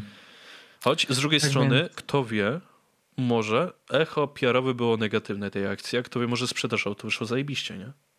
Mhm. Trzeba też po tym kątem pomyśleć. I wiesz, może być Dokładnie. tak, że BNP Paribas też dostanie PR-owo po dupie, a kto wie, może się okaże, że finansowo oni wyszli na tym zajebiście na plus. E, bo wiesz, w marketingu bardzo często jest tak, że nieważne jak mówią, ważne, że mówią. Będziemy musieli się przekonać przez najbliższe tygodnie, ale jeżeli chodzi o mm, newsy, to u mnie już się wyprztykałem z nich. Jednakże chciałbym teraz przejść do takich, jednej, takich dwóch małych pytanek, które padły od Marcela Gąsiora w naszą stronę. Pierwsze jest szczególnie ciekawe, a drugie będzie takie luźniejsze. Pierwsze pytanie. Jaka jest według Was najlepsza ordynacja wyborcza?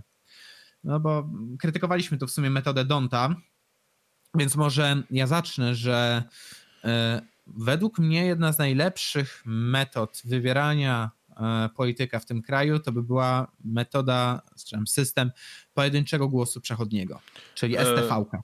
Mhm. I właśnie chciałem zasugerować to samo. Single Transferable Vote e, to jest ten system, w którym nie tyle, że skreślamy konkretnego człowieka, że to jest nasz głos, tylko szeregujemy potencjalnych wyborców od 1 do no, x, zależy ile tam mamy, ilu tam mamy kandydatów w danym momencie. Tak, i wtedy nasze preferencje mają określoną wagę, tak, i przez to nie to, że głosujemy twardo na kogoś, tylko na przykład. Weźmy, że weźmy na przykład takiego człowieka, który mm, załóżmy, że ktoś jest zwolennikiem wolnego rynku, ale bardzo mnie pasuje retoryka konfederatów. W związku z tym może na przykład dać najmocniejszy głos na jakieś ugrupowanie, które są poza Sejmem. To daje duży boost często małym ugrupowaniom typu dajmy na to, no nie wiem, u nas byłaby to Partia Możemy, czy, czy Libertarianie, coś takiego. następnie mógłby, no ten trzeci powiedzmy, siłę głosu zostawić konfederatom, a potem to już jakoś leci, nie? I to by zmusiło do dwóch rzeczy. Po pierwsze, trzeba by przeanalizować tak naprawdę wszystkie partie, żeby oddać sensowny głos. Ja nie mówię, że ludzie by to robili, ale być może zachęciłoby to co niektórych. No, oczywiście, że byłoby drugie, mnóstwo osób, które by waliło od 1 do, do X. Znaczy tak, jeden jak, jest ważny, no. a reszta byle jak. Tak? tak? ale z drugiej strony, no też by to. Wiadomo, że na początku ten system to by, by w mocnych powijakach, tak jak pierwsze wybory parlamentarne w Polsce, ale, ale, ale z czasem mógłby, mógłby się merytorycznie ten system coraz lepiej aplikować. A ja się spodziewam drugiego elementu, odsiewu idiotów. Bo jeżeli ktoś na przykład będzie chciał sobie coś odwalać na kartach albo nie przeczyta dokładnie instrukcji, bo trzeba jednak więcej wypełnić, mhm. nie? Trzeba te cyferki wpisać. Ja wierzę, że jak ktoś na przykład jest fanatykiem jakiegoś ugrupowania i nie wpisze wszystkich cyfr, albo wpisze cyfry w taki sposób, że nie wiem, coś się powtórzy, albo nie wpisze ich według wzorca, albo napisze z pośpiechu nadal krzyżykiem, taki głos jest nieważny. Więc mm. moim zdaniem podwójny stonks, bo odsiewa takich największych, takich idiotów, co już nie umieją przeczytać instrukcji. Posiedzieć chwilę w tym boksie.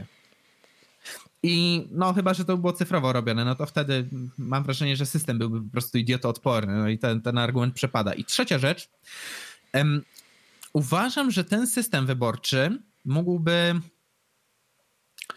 no przysporzyć po prostu do bardziej bezpośredniej demokracji, w której efektywnie wybieramy swoją reprezentację, bo nagle pojedynczy głos przechodni pozwalałby na przykład dużo efektywniej wybierać ludzi z poszczególnych okręgów. Nie jak w metodzie Donta to mamy, że listę wyznacza partia, tylko konkretne partie wystawiają kandydata w konkretnym regionie, no i potem już głosujemy bezpośrednio na człowieku, na, na różnych ludzi, szeregując ich tam jakoś, nie?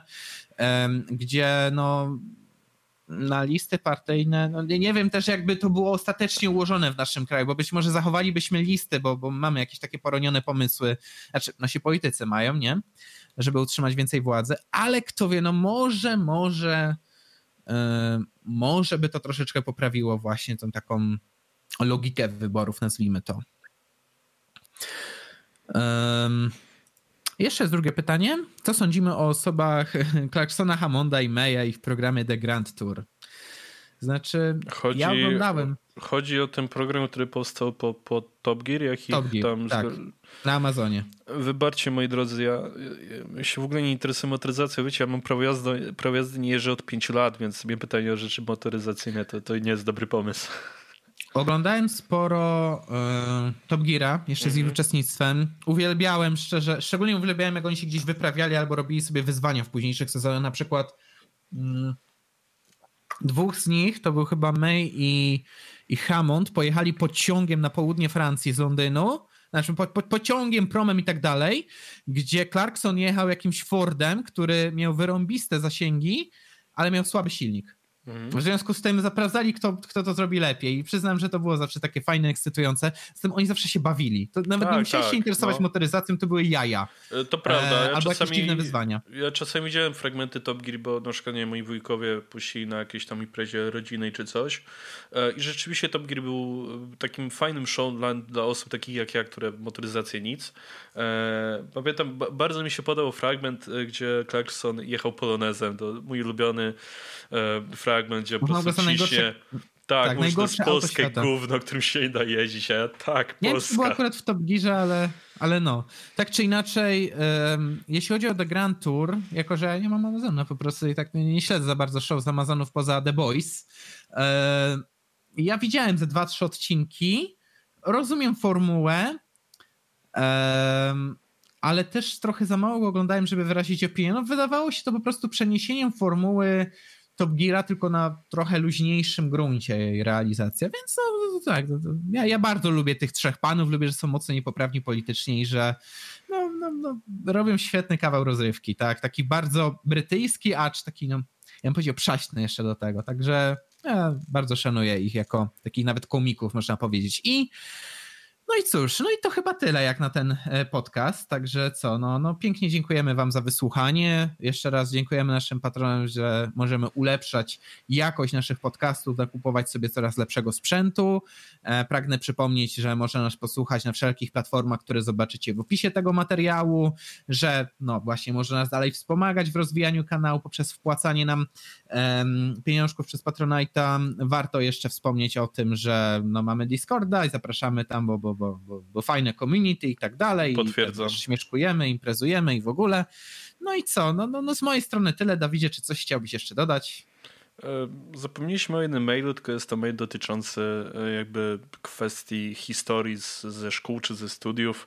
E, A że już kończymy podcast, to chyba po prostu przesuniemy to na za dwa tygodnie, ponieważ za tydzień Czarka, Czarka, Czarek nie będzie mógł brać udziału w podcaście, więc ja dla was nagram podcast, ale to nie będzie, nie będzie zwykły podcast, to będzie specjalny podcast, więc będziecie mieli podcast ekstra i zwykły jakby jednocześnie.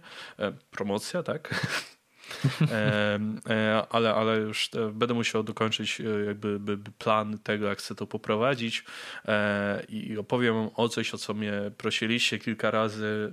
Nie, nie opowiem tego jakoś super dokładnie, bo, bo wtedy to nie byłby podcast, to byłby 8-godzinny wykład, ale opowiem o tym tyle, ile wiem, tyle, ile mogłem się dowiedzieć na, na czas, jaki mogłem na to poświęcić, więc myślę, że będziecie zadowoleni. A tak to co? No przypominamy, możecie nas posłuchać na najpopularniejszych e, platformach podcastowych, czyli e, Spotify, Google Podcast, Apple Podcast, e, MP Go, Patronite Audio i SoundCloud. i Chyba to wszystko. Zapraszamy do wsparcia na Patronite. Teraz zbieramy na drugi mikrofon. Do niego już nie będzie trzeba Czarkowi dokupywać interfejsu audio i tak dalej, bo, bo już go ma. E, Więc potem, potem będziemy cisnąć w kamerę, żeby też polepszyć jakość nagrań na, na, na głównym kanale. Na wyobraźcie sobie. E, Więc no, no, no generalnie idziemy do przodu. E, Dziękujemy jeszcze raz za wsparcie. Po- Patroni jesteście kochani. E, No i cóż, życzymy Wam udanego weekendu, tygodnia. Nie, w sumie to będzie w niedzielę, więc udanego tygodnia. E, Może tym razem nie spadnie śnieg tak jak dzisiaj. E, Więc- fajnie było. No Tylko było fajnie. wychodzić z domu akurat. No, no, no, ja niestety musiałem wracać z pracy, jeszcze pojechać po paczkę, zrobić mi zakupy. E, Więc, Ja akurat dzisiaj dużo pisałem, także wyrąbane. no, więc ja, ja patrzyłem, jak pada ten śnieg przez okno w robocie, miałem takie... Nie mogłeś padać jutro, kiedy będę siedział cały dzień w chałupie. No nie mogłeś. No ale no cóż, życie. Więc co, jeszcze raz dziękujemy. Tak, Tak. jeszcze raz dziękujemy. Trzymajcie się i do usłyszenia za tydzień. Hej. Twarda bania, zaciśnięte pięści. Coś tam, coś tam do atmosfera się zagęsi. Niestety nie pamiętam początku tego wersu. Zawsze zapominam. Zawsze. No i chuj, i spierdoliło się wszystko. Jebać ten podcast w ogóle.